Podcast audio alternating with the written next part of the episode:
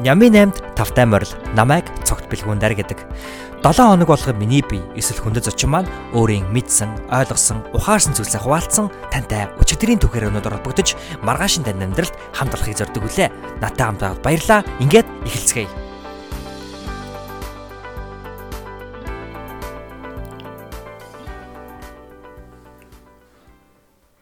Сайн байцгаана сонсогчдоо Сэхэдэн төслийн хүрээнд бэлтгэн хүргэдэг Нямин 8 подкастын маань 42 дугаар дугаар эхлэхэд бэлэн боллоо. Энэ удаагийн дугаар маань туйлын онцгой дугаар байгаа. Та бүхэн анзаарсан бол бид бүхэн ням гарагт бол дугаараа хүргэж амжаагүй байгаа. Яагаад вэ гэхээр бид бүхэн ням гарагт хамгийн анх удаа Нямин 8 амьдараа үйл ажиллагааг Монгол Улсын нийслэл Улаанбаатар хотноо зохион байгуулсан байгаа.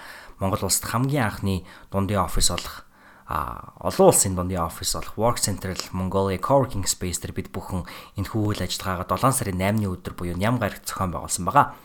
За тэгээ хэдий тэрхүү амралтын өдөр та бүхэндээ 42 дугаар дугаараараа учран золгож чадаагүй ч гэсэндэ энэхүү Монгол улсынхаа үндэсний их баяр наадмын амралтын өдөр буюу 7 сарын 11-ний их баяр наадмын нээлтийн өдөрт нэг тохиолдуулан та бүхэнтэйгээ Ямин 8 подкастаараа уулзаж байна. За тэгээд энэхүү подкаст маань туйлын онцлогтой байгаа. Өмнө нь ийм подкаст бол ерөөсөө хийгдэж байгаагүй. Манай подкаст яв тийм ээ. Энэ ямар подкаст гэхээр аалог байгаа. Аалог гэдэг нь би энэхүү подкастыг нэг газар суугаад нэг хүнтэй ярилцах биш. Би байнгын хөдөлгөөнд байхдаа бичсэн подкаст. А нэвтрүүлгийн подкастын маань ихний хэсэг буюу нэг 30% гэж хэлэх юм уу? Яг яаж хийгдсэн бэ гэхээр а би ингээ годомжинд явж байхдаа за энэ юу гэдгийг тайлбарлаж чаад дараа нь нөгөө Work Central Mongolia компани дээр очиод coworking space дээр очиод тэнд хүрэлцэн ирээд байсан зочдоосоо санал сэтгэлийг нь асуухын цацуу мөн Ямин подкастын үеэр асуудаг зарим нэгэн асуултуудыг зочдоосоо эргүүлэн асууж тэдгээр хүндэт зочдынхоо санал сэтгэлдлүүдийг тийм ээ тэрхүү мэдрэмжүүдийг сонссон байгаа. А үүний дараа манай Ямин амьдараа үйл ажиллагааны 3 хүндэт одоо хилцүүлгийн 3 хүндэт зочдын нэг болох учрал маань та бүхэнд Work Central гэдэг энэ хөө Монгол улсад хамгийн анхны олон улсын дундын офис гэж юу ол хийх болохыг танилцуулсан юм бог хэмжээний яриа өгсөн байгаа. За тэгээ үүний дараа бид бүхэн яг Нямин амьдараа үйл ажиллагааны 2 дугаар хэсэг буюу хилцүүлгийн 2 дугаар хэсгийг та бүхэн сонсох болно. А энэ хилцүүлэг дээр манай подкастын манай уучлаарай үйл ажиллагаа маань үйл ажиллагааны хилцүүлгийн 3 хүндэт зочдтой болох учрал маань, дэлгэр заяа маань, тайвнаа гурван маань сошиал медиа буюу олон нийтийн сүлжээг ашиглан хэрхэн бусдад нөлөөлөх үү, өөрсдийнхөө амьдрал хэрхэн эргээр ашиглах уу, за мөн 21-р зууны энэ хүү мэдээлэл технологийн хэрэгслүүдийг хэрхэн зөв хэрэгжилж тийм ээ, өөрсдийнхөө амьдралын хэм маягийг зөв авч явах уу гэдэг дээр гайхалтай яриаг өгсөн байгаа. А цогт төлгөөн дээр миний хувьд мэдээж хэрэг нэвтрүүлгийн хөтлөгч хост хийсэн одоо үйл ажиллагааны хост хийсэн а гівч мэдээж хэрэг бид энэ хүү амьдараа үйл ажиллагаа хийж байгаа учраас тэнд хүрэлцэн ирсэн хүмүүсээс асуулт асууж эргээгээд асуулт асууж хүмүүстэй бэлэг өгөх байдлаар маш сайхан өдрийг өнгөрүүлсэн байна. А үүний дараа миний ээж доктор Наслын Сарантуя ирсэн зочдод болон гурван хилэлцүүлэн хүндэт зочнорт хандаж үг хэлсэн. А үүний дараас нэгэн сюрприз олж өчигдөрхөн нь гэрлэлтэй хийгээд байсан хийгээд байгаа а манай Төвшин баярын Төвшин баяр ахын маань гэр бүл болох Positive Mongolians төслийн төвшөө ах дүлгөөнөгч хоёр манай Ямин амьдараа үйл ажиллагаанд хүрэлцэн ирж залуус өнөртөө нэгэн гайхалтай зөвлөгөө өгсөн байгаа. Тэг юуны тухай ямар яриа хийсэн болохыг та бүхэн подкастаас сонсоорой. Тэгдүүлээ ингээд Ямин подкастынхаа үндэсний их баяр наадмын тусгай аалог дугаарлууга үсэрцгээе.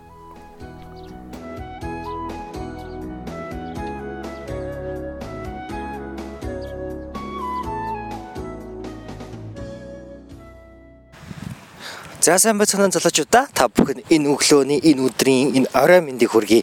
За би яг одоо Улаанбаатар хотоос мэдчилж байна. Бүр гадаанаас мэдчилж байна. Хамгийн анх удаа магадгүй подкаст нэвтрүүлгээ яг гадаа ингээ алхаж явахдаа хийх гэж ах шиг байна. За гэхдээ ерөнхийд бол байн гадаа алхаад байхгүй. Өнөөдрийн подкастын маань онцлог нь юу гэхээр энэ бол аалог байх байгаа. Тэгэхээр влог гэдэг зүйл байдаг шүү дээ. Влог нь юу гэхээр ингээ бичлэг хийгээд хүмүүс гадуур яваад ийм юм байна гэдэг бол би өнөөдөр аалог хийх зорилготой байгаа. Тэг яагаад өнөөдөр аалог хийж байгаа вэ гэхээр өнөөдөр маш чухал өдөр 2018 оны 7 дугаар сарын 8-ны өдөр. Энэ өдөр бид бүхэн хамгийн анх удаа Ями 8 амьдараа үйл ажиллагаагаар уулзах гэж байгаа. Энэ үйл ажиллагаа нь юу вэ гэхээр бид бүхэн та бүхэнтэйгээ хамтдаа энэ хүү подкаст платформоор дамжуулаад нийт хагас жил гаруй хугацаанд хамтдаа байцгаасан байна. Аа манай Ями 8 гэдэг нэртэй подкаст маань явж байгаа сүүлдээ Сэхэт Монгол подкаст нэртэй болсон. А үүний шалтгаан нь гэвэл бид бүхэн илүү олон контентуудыг хүргэхийг зорьсон ба 2 жилийн хугацаанд өөрийн 50-тай хамт онлайн номын хэлцүүрийг өрнүүлээд буй 58 маань өөрийн номын хэлцүүлгүүдийг подкаст хэлбэрлүү шилжүүлэн мөн энэхүү платформоор дамжуулан та бүхэндээ хүргэж байгаа байлаа. За иймийн учраас манай Сэхэт Монгол подкаст бол бусад подкастуудаас онцлог онцлог нь юу гэхээр мэдээж хэрэг зөвхөн нэг төрлийн контент биш олон төрлийн контент хүргэдгээрээ давуу талтай гэх юм уу. За тэр ч утгаараа өнөөдөр Ямин 8-га бас ийхүү аалог байдлаар хүргэж байна. Ягаад гэхээр энэ бол түүхэн өдөр Монголд мэдээж хэрэг подкаст гэдэг зүйл үүсэ тодорхой баггүй хугацаар өнгөрч байгаа. А гэхдээ миний бодлоор бид бүхний бодлоор хамгийн анх удаа энэ хүү подкастыг дөрүүлж би болсон community буюу подкастыг манд дөрүүлж би болсон хотол олноороо чуулз уулзах гэж буй Монголд анхны тохиолдол гэж үзэж байгаа. За тэгээд энэ хүү тохиолдлыг тохиолдуулан энэ хүү чухал special аалог дугаарыг та бүхэнд хүргэж байгаадаа маш их баяртай. Тэгээд энэ дугаарын зорилго нь юу гэхээр бид бүхэн та бүхэнтэй уулзаад ярилцаад сайхан сайхан юмудаа яриад ер нь бол өнөөдрийн үйл ажиллагаа юу болчих бүгдийг хүмүүсээс асуух байгаа. Упс. Байна уу? За тэгээ энэ А-логийн онцлог нь юу аах вэ гэхээр яг өнөөдөр ивент болохын өмнө бид бүхэн 14 цагаас эхлээд Монгол улс дахь хамгийн анхны олон улсын дундын офис болох work center дээр цуглараад аа яг тэрхүү дундын офисд танилцах байгаа. За энэ танилцах үеэр мэдээж хэрэг зөвхөн офисд танилцаад байхгүй те өөр хоорондоо танилцсан, нэрсэн зочдтойгоо танилцсан, янз бүрийн танилцах зүйлсүүд болно. Тэгээ би бас та бүхэндээ энэ хүү подкастаараа дамжуулан тэнд ирсэн хүрэлцэн ирсэн хүмүүстэйгээ бас танилцуулах болно. Гэхдээ мэдээж хэрэг Ямин 8 гэдэг подкастынхаа утга учирыг бол алдахгүй энэ 7 хоногт юу талархаж чинь энэ 7 хоног сонин хачин энэ 7 хоног юунаас кафау энэ 7 хоног ямар ном уншив гэд. Бүх нэмэ нэмэ асуудаг асуултуудаа асуусан. Тийм нэгэн сонирхолтой. Өөрөөр хэлбэл нэг зочин биш. Маш олон зочид энэ хүү дугаарт оролцсон. Байх болно гэдгийг та бүхэнд амлаж байна. Тэгээ маш их баяртай. Тэгээ энэ удаагийн алог хийж байгаа нөхөө микрофон маань өөрөө явуулын микрофон учраас чанар өмнө нь гарч ирсэн подкастуудад харьцуулахад чанар бол арай муу байгаа гэдгийг та бүхэнд сануулган зүйтэй. За ингээд яг өнөөдрийн маань үйл ажиллагаа эхлэх гээд үйл ажиллагааны бэлтгэл ажилдаа орох гээд би дараагийнхаа гэрт өгөөд ирсэн байсныг дараа маань гаад ирсэн байна. Тэгээ өглөөний мэд төргий дараа. Баярлаа. Өглөөний мэд. За энэ 7 хоногт хамгийн их юунд талархаж байна вэ? Би юу? Хайртай талархаж байна. За яг одоо 2 цаг жаал өнгөрч байна. Тэгээ би яг work center руу та ингээд дөнгөж ороод ирэх юм бол зүүн гар талд нөхнийх гой кофе шоп хүлээж аавн. Тэгээ тэр кофе шопны текен дотор нь манай энэ удаагийн хүнзэж очин уучрал маань ажиллаад байж гин. За энэ өдрийн мэнд хүргэе. Өдрийн мэнд хүргэе. За. Сайхан амарсан баярлаа. За. Энэ 7 хоногт юунд хамгийн их талархаж байна вэ? Аа ажлаа амжуулаад тэгээ амралтын өдрөө айгуу гоё өнгөрүүлсэндээ шинэ хүмүүстэй танилцаж танилын хүрээгээ нэмээд бас хүмүүсийн хүмүүсийн талаар илүү их мэдэж авсандаа баяртай байна. Play time яасан. За баярлалаа. За одоо ерөнхийдөө бол манай зочдын зочд маань эхнээсээ хүрээд ирсэн байна. За сайн уу золоо. Сайн байна уу? Өдрийн мэнд хүргэе. Өдрийн мэнд. За сэтгэлээ болцооч. За яг одоо 2 цаг болох чинь үйл ажиллагаа маань эхлэх гээд тэгээд яг бараг 10-ны өмнөөс айгүй хүлээсэн энэ өдрийг. Тэгээд өглөө гэрээсээ гараа явж байхад өдөр өглөө айгүй гой бороо орцсон. Тэгэл бүр илүү догтлоо. Тэгээд одоо яг эхлэх гээд эхлэлийн хүлээгээл байж. Манай подкастны асуудаг штэ. Сэтгэлийн таашаал энэ 7 хоног юунаас авав гэд. Чиний хувьд энэ 7 хоног сэтгэлийн таашаал кайф юунаас хамгийн их мэдэрсэн бэ? Би ер нь байнга л яг ойр дотныхоо хүмүүсээс, найз нөхдөөсөө гэр бүлээсээ л яг амьдралын яг таашаалыг мэдэрч тэр хүмүүстэй талархаж амьдардаг. Тий. За баярлалаа золоо. Баярлалаа.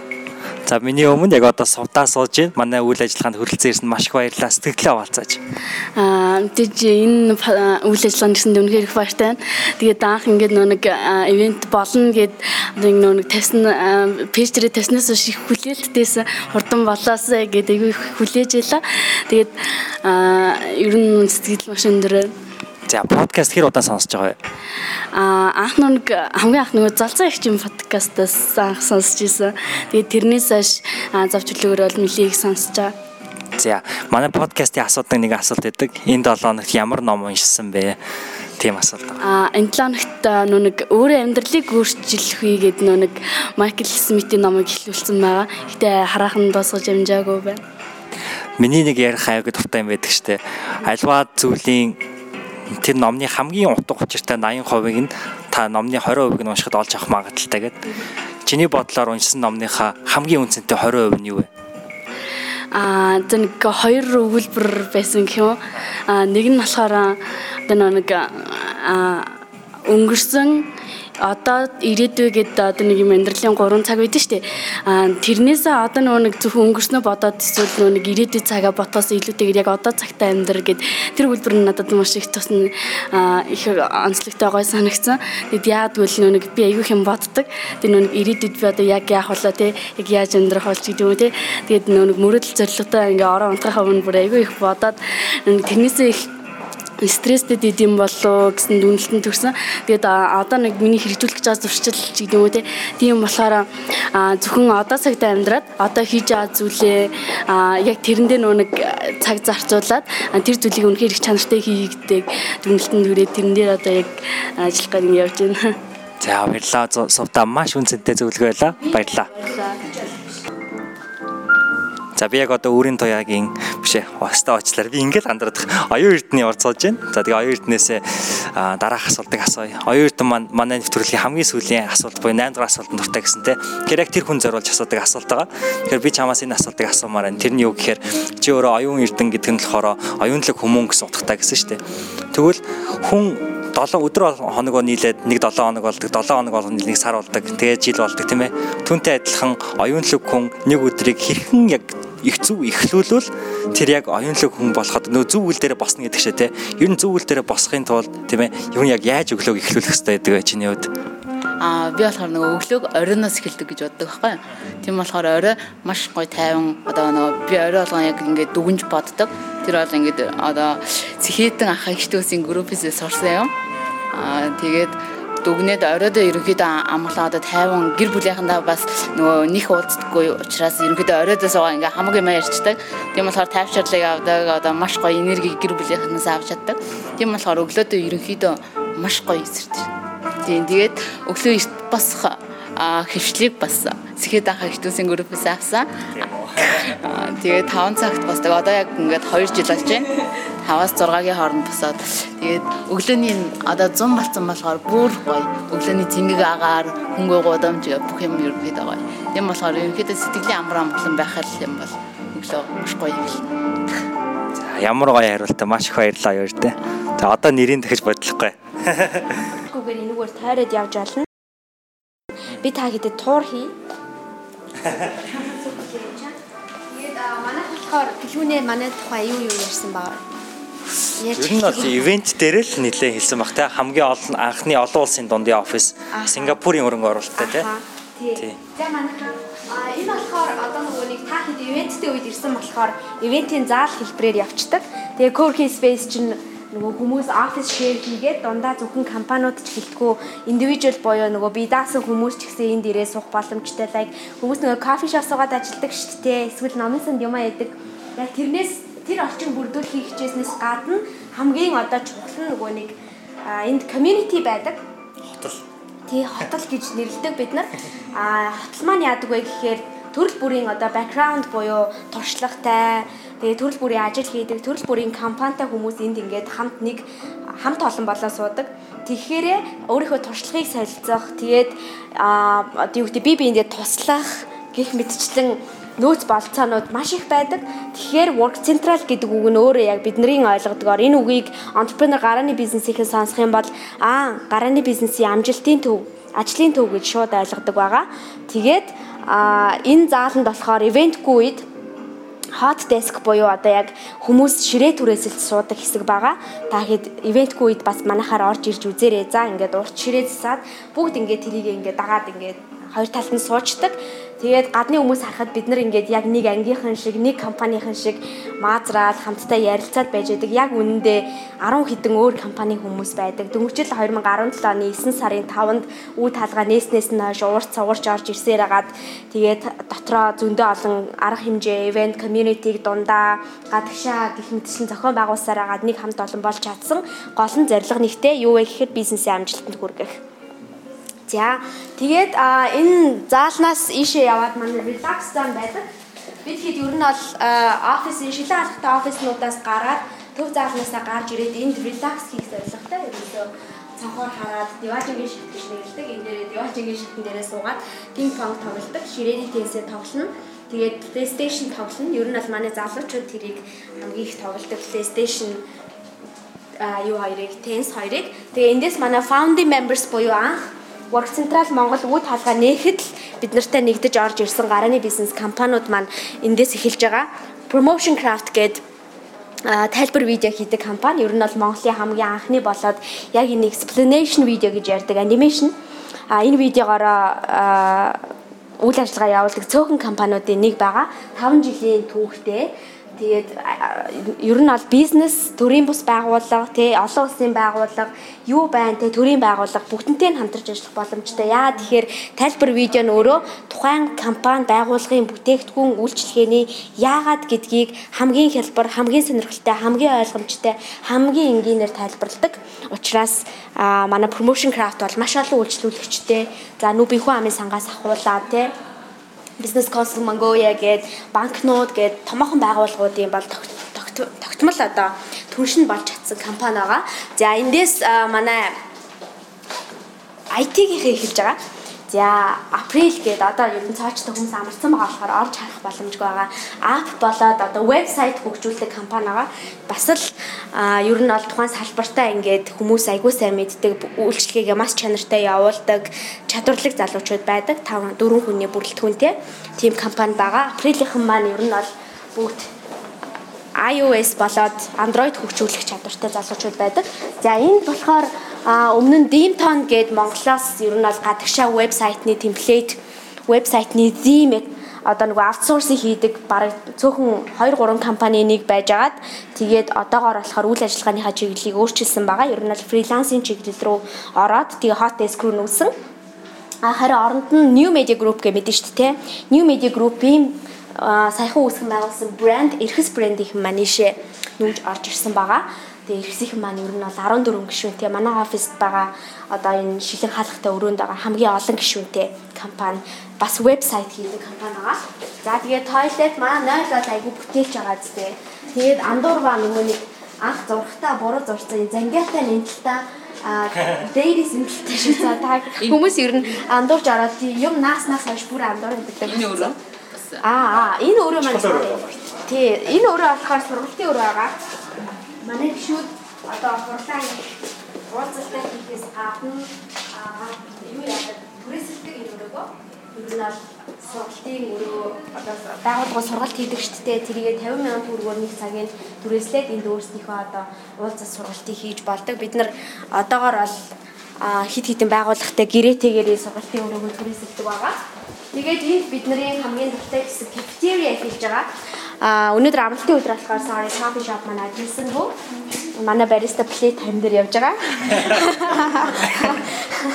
Тэгээд бид хэд манай байгалийн эгч маань бас энд байдаг бидний хоололдог ер нь бол өглөөнөөс ирээл байгалаа ихч хизээ ирхий гэж манайхаа асуудаг хоол, цай, кофе, тэ ундаа, ус, чихэр, жимс бүх л зүйл байдаг. Тэгээд ерөөсөө энэ 60 70 хүний ээж шиг байдаг. Бид хэдийг тижээдэг гэж би ярих туфтай маш гоё хямдхан кофетэй 1500. Тийм 1500-аас эхэлдэг. Яг энэ дотор байгаа хүмүүс авч болохоос гадна энэ 18 давхар барилгад байгаа бүх хүмүүс манайхаас гарч ирж кофегаа авдаг. Ер нь бол кофе шопоос дутхааргүй амт чанартай кофе байдаг хэрнээ хямдхан байдагт нь хүмүүс амар туртай байдаг. За энэ болохоор ингээд дотор нь ороод суучж болдог. Эсвэл өндөр ширээ тавиад зогсож болдог хүмүүс байгаа. Бас яг hot desk-ний юу түрээсэж байгаа хүмүүс маань хүнчтэй байдаг. Ингээд стейк хийгээд хамгаалч нь, тусгаалч нь. Тэгээд hot desk-ийн байна. А энд бас нэг компани байгаа 88 гэдэг компани байгаа. Тий. 88 гэдэг веб аутсорсинг хийдэг тийм компани хүн маань ер нь бол 3 хүнтэй болохоор энэ жижиг өрөөнд байдаг. Та хэд ингэ шаагаад харахгүй тий. Ер нь бол чөлөөтэй байгаарэ айгуу жижигхэн тэгээд айгуу comfortable өрөө байгаа. Энд болохоор NSB гэдэг архитектурын компани байдаг. Ер нь бол eco friendly ногоон одоо архитектурыг дэмжиж ажилладаг. Хамгийн сүүлд бол модерн намаацын хүүхдэд зориулсан кампусын төсөл дээр ажиллаж байгаа гэж өөрөөсөө ярьж байсан. Green одоо кампус барихаар ажилт байгаа. Тэгээд а энд болохоор тэр үргэлжлэж байгаа. Тэгээ энэ ширээ дээр манай нөгөөний гаднаас манай компаниуд ер нь бол айгүй клиент хүлээж авдаг. Тэгээд хөвчлэн сургалтын өрөөнд одоо уулзалтаа хийхээс илүүтэй яг энэ сууж агаад ингээд яриагаа хийх ороо яриагаа хийх сонирхолтой байдаг. Ийм одоо хүлээн авах хэсэг байгаа. Тэгээд энд болохоор Wonderland гэсэн маад Media Pro буюу онерийнх маань байдаг. А онерийнх маань яадаг вэ гэхээр телевизийн тоног төхөөрөмж нийлүүлдэг, сетап хийдэг. Тэгээд одоо нөгөө сууг цацдаг шүү дээ Onair гэж юу сонссон л бах те. Сууг цацдаг team компанигаа манай ах нар байдаг. Ер нь л манай энэ дотор байгаа офсуудын нэлээд ахнаа чи бичиж чинь тийм. Ер нь манай байгаа хүмүүсийн дундаж 56 байдаг. Аа тэгээд 18 тагаас 40 50 насны За ингээд ер нь энэ хүрээд манай учирлын маань Work Center Mongolia Coworking Space-ийг танилцуулсан тоор бол өндөрлөж байна. Тэгээд энэ 7 хоногийн бас нэгэн онцлог подкаст юм. Онцлог нь яхаар гоо Work Center-ыг та бүхэн таниулах байлаа. Та бүхэн таалагдсан гэж найдаж байна. Тэгээ ингээд сонсож байгаа бүр ирээд үзмээ санагдсан мэдрэмж авсан гэж бодож итгэж байна. Зя би яг одоо гам бэлгтэй ам зогсож байна. Facebook-ийн дээр гам бэлэг намхаа. Тэгэхээр намхаагийн гам бэлэг гэсэн үг үү те. Аа. За тэгээ гам бэлэг маань бис асуусаа л да ямар асуулт намгийн дуртай вэ гэхэд бол манаас нэлийн өмнө асуудаг байсан. Өөр өөрийнхөө нуруунд дээр одоо цохиод чи үнэхээр сайн байлаа шүү гэж хэлэн тийм амжилттай тэр юу байсан бэ гэдэг асуулт байсан гэж байна. Тэгэхээр чиний хувьд энэ 7 хоногт өөрийнхөө нуруунд дээр алгадам тийм амжилт юу байсан бэ? За миний хувьд За эхлээ өөрийгөө танилцуулах нь зөв байх. Намаг гам бэлэг гэдэг шинжлэх ухаан технологийн сургуульд механик инженерээр сурсдаг. Одоо 2 дугаар төвчний оюутсан. Тэгээ энэ зуны хугацаанд өөрт одоо ажил хийж байгаа тэрхүү ажил маань ямар вэ гэхээр сошиал маркетинг ажил. Тэгээ өөрийнхөө мэрэгчлээс өөр ажил тэгээ бас тэрхүү сошиаллоор хэрхэн ажиллах вэ гэдэг журмаар айгүй шин зүйлсийг сурах шаардлагууд гардаг. Миний хувьд болохоор шинэ хэм бичлэгүүдийг айгүй гоё стандартын дагуу хүмүүсийн сонирхлыг татах үзээр хийж сурж байгаа. Энэ бол миний хувьд айгүй том амжилт бол байсан. Учир нь ерөөсөө огт хийж чадахгүй зүйлсээ одоо заалгуулад тэгээ шинээр хийгээд илүү хөгжүүлээ тэгж хийсэн маань миний хувьд бол хамгийн том амжилт маань эс. Жигэн нуруунд дээр өөрөө гам бил хийж энэ 7 хоногт энийг л хамгийн сайн хийж сурлаа да гэж хэлээ. Амжилт нэнээсэн маш амжилттай байсан сан чи чааг хулгайлчаар санагдаад тэр компаниас ч манай төсөлд ажиллаа гэдэг. За за. За ивент үйл ажиллагааны талаар одоо сэтгэл хөдлөл юу байна? Санал сэтгэгдэл юу гэх юм те мэдрэмж юу байна? За хамгийн анх чинь яг Нямин 8 буюу скетэн төслөө чинь яг 50 гэдэг 50 чинь өөрөө илтгэл мэтгэлцэн айгу мундаг залуу. Тийм учраас тэр хүнийг айгу ингэж даагаж одоо тий суралцдаг байсан. Тэр журмаараа хамгийн анх нэмийн навд бол тэгж танилцж байсан. Тэгээ яг сонирхоод үзсэн дотор маш агуулгатай. Тэгэл автобусанд би ч оюутан. Тэгээ автобусанд явах болгондоо ингээл байнгын сонсоос та тий тиймэрхүү байдлаар байдаг учраас нэмийн намыг бол их хүлээлттэй байсан. Тэгээ яг иймэрхүү өөртөө чинь тэгэл чатлал тий иймэрхүү одоо миний хувьд иймэрхүү одоо дурсамж сэтгэл стори түүх маань байна гэж хуваалцдаг. Тэгээд яг ингээ уулзаж танилцаж ярилцгаа айгүй хүсдэг байсан. Тэгээ өнөөдөр бол ингээ биелж байна. Өмнө зэндээ годомжод хүртэл харсан тий. Шууд нэг нэгээ таних байлаа. Тэгсэн өнөөдрийн ивэнтээс бол маш их зүйлийг хүлээж байна. Өмнө мдээгүй зүйлс. Тэр тусмаа өнөөдөр яг сошиал байдлаар бид нэр хэрхэн хөгжиж болох вэ гэдэг талаар ярилцах нь одоо илүү их таалагдж байгаа. Учир нь яг түрүүний хэлсэнчлэн миний мэрэгжил мэрэгжил бас ажил таймд илүү уялдаа холбоотой учраас надад илүү grow буюу хөгжих байдал маань илүү гарах байхаа гэж маш их найдар тавьж байна. За гам бэлгэдэ маш их баярлаа. За. Интернет ертөнц гэдэг бол өөрөө ер нь бол миний хувьд бол их дорлаадах зүйл биш гэж бод. Бизнесийн зорилгоор үүнийг бусдад хэрэгтэй зүйлийг түгээн гэдэг зорилго цаана агуулгач үнийг харин ашиглаж болно. Бусдаар бол үүнийг ашиглах бол төдийл өөр өгөөжтэй биш гэж би зүйлийг хараад байна. Яагаад тэгэхээр 5-аас 10 жилийн дараа юм уу интернет ирсэн Facebook-ийн платформуд формууд унж эхлэх байх гэж би бол өөртөө хаардаг. Хүн болгонд нэг өөрийн гэсэн хүсэл ингээд байдаг. Тэр жаа нэг тодорхой э, цэг түрээд ундаг дээ. Тэр уналтын цэг түрээд өөр төрлийн платформ ч юм уу хүмүүс магадгүй эргээд амьд харилцаагаа ч юм уу хамт яриа суудаг тэр зүйлийг хүсч эхлэхийг үүсэхгүй. Тийм болохоор миний хувьд бол зүгээр аль болох өөрөөр байх хамгийн гол зорилго бол хүмүүстэй харилцаа. Шинэ хүмүүстэй танилцах, шинэ хүмүүстэй харилцаа үүсгэх тэр нь миний хувьд гол зорилго байдаг. За тэгээд онлайн номын хэлцүүлэг олон хүнд хүргэх гэсэн ийм зорилго. Бусдаар том зорилго агуулаад сошиал дээр маркетинг талбарын ажлын энүүгээр мөнгө хийчихье гэдэг зорилгод одоохондоо бол агуулгатай. Одоохондоо ш явандаа магадгүй ашиг сонирхолтой зөрчилдөө тийшээгээ энийг хослуулад явах зорилго гарахыг үгүйсэхгүй тийм одоохондоо бол сонирхлоор ашиглаж гэж хэлхэн зүйд байна.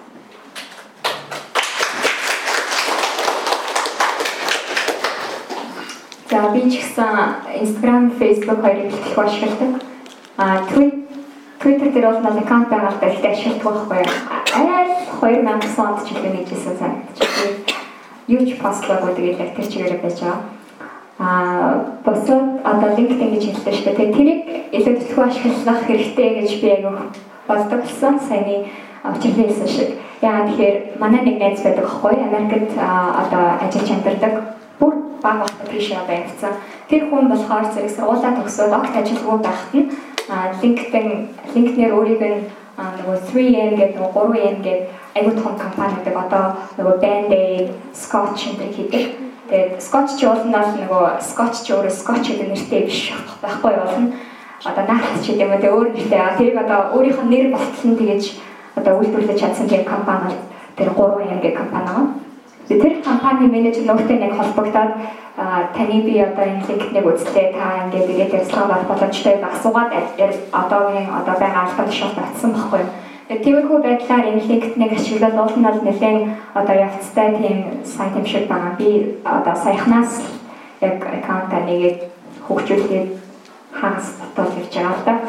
Аа тийм байна. Facebook, Instagram хоёрыг л төлөв ашигладаг. Бусад ямад зүгээр сонирхолгүй байсан болохоор зэрэг нэг авах одоо нэг Snapchat, WeChat одоо хэрэгцээгүй байсан гэсэн. Instagram, Facebook хоёроо одоо мэдээлэл аваад болоодсан болохоор зэрэг нэг юм нэгээгүй. Араа хоёрдугаар яагаад өөр юм ашиглахгүй байна гэхээр зэрэг нөгөө anxiety гэж ярьдаг штеп одоо сандрал шинэ шин тэгээ одоо нэг тийм төгссөн байдал олон юм нэгэд байх тусам надад тэр төгссөн байдал илүү нэмэгдэл байгаа юм шиг санагдаад байдаг. Ялангуяа Facebook дээр, Instagram дээр бол би ингээд намайг фоллоу хийх хүмүүсийг би ингээд хязгаарлаж байна шүү дээ. Өөрөөр хүсэх юм бол тэр хүнийг би фоллоу хийхийг зогсоож байна Тийм утгаараа би зарим нэг хүмүүсийн фоллоу хийх хүсэлтийг бол авдаггүй. Тэгээд тийм болохоор одоо тэр намайг фоллоу хийж байгаа хүмүүсийн одоо хэмжээ би өөрөө хязгаарлаад болох учраас зэрэг одоо нөгөө privacy гэж ярьж байгаа. Тэгээд миний өөрийн хувийн орон зайд нэвтрэх боломжийг би өөрөө Instagram дээр хязгаарлаад байх боломжтой учраас энийг ашигладаг байхгүй юу? Тэг хүн болсон хон ямар нэг юм хэлмээр санагдана. А ямар нэг юм ямар нэг байдлаар өөрийнхөө одоо хийж байгаа зүйлийг бусадтай хуваалцмаар санагдах үед бас байна.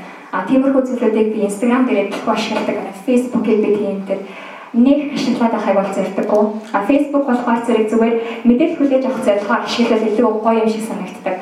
А нэг зүйлийг хэлэхэд Facebook дээр аягүй сөрөг мэдээлэлүүд амар хурдан тархдаг юм шиг санагддаг надад.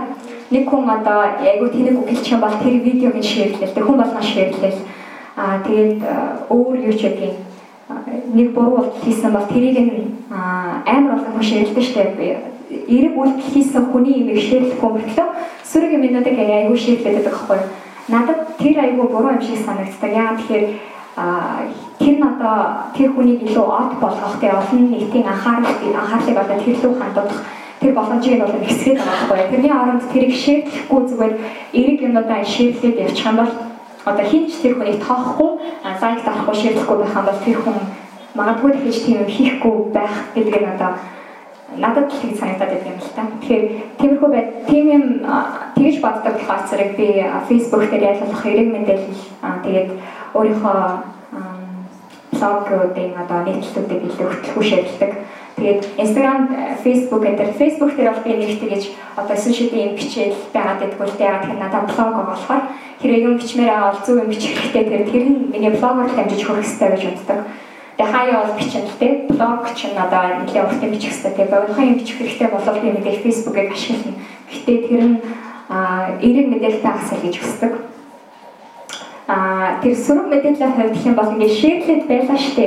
Тэгээ тэр чинь хамгийн гол нь би хүний амьд хүч хүлээл гэж амар яагаад гэдэг. Аа одоо нэг буруу алхам хийсний төлөө тэр хүнийг бид нар уучлалт сурах хэрэгтэй байхгүй. Тэр хүн алддаг. Тэгээ тэрийг дуурласан та ч юм уу буруу юм хэлчихлээ тий. Тэднийг бид нар тэгэж нийгмийн ганц удаа алдсныхаа төлөө бид нар тэр нэгдүгээрт бид нар бусад тэр чинь одоо хүн үзэх ясгүй юм бид нар шийдлээ байгаа хэрэг байхгүй тий.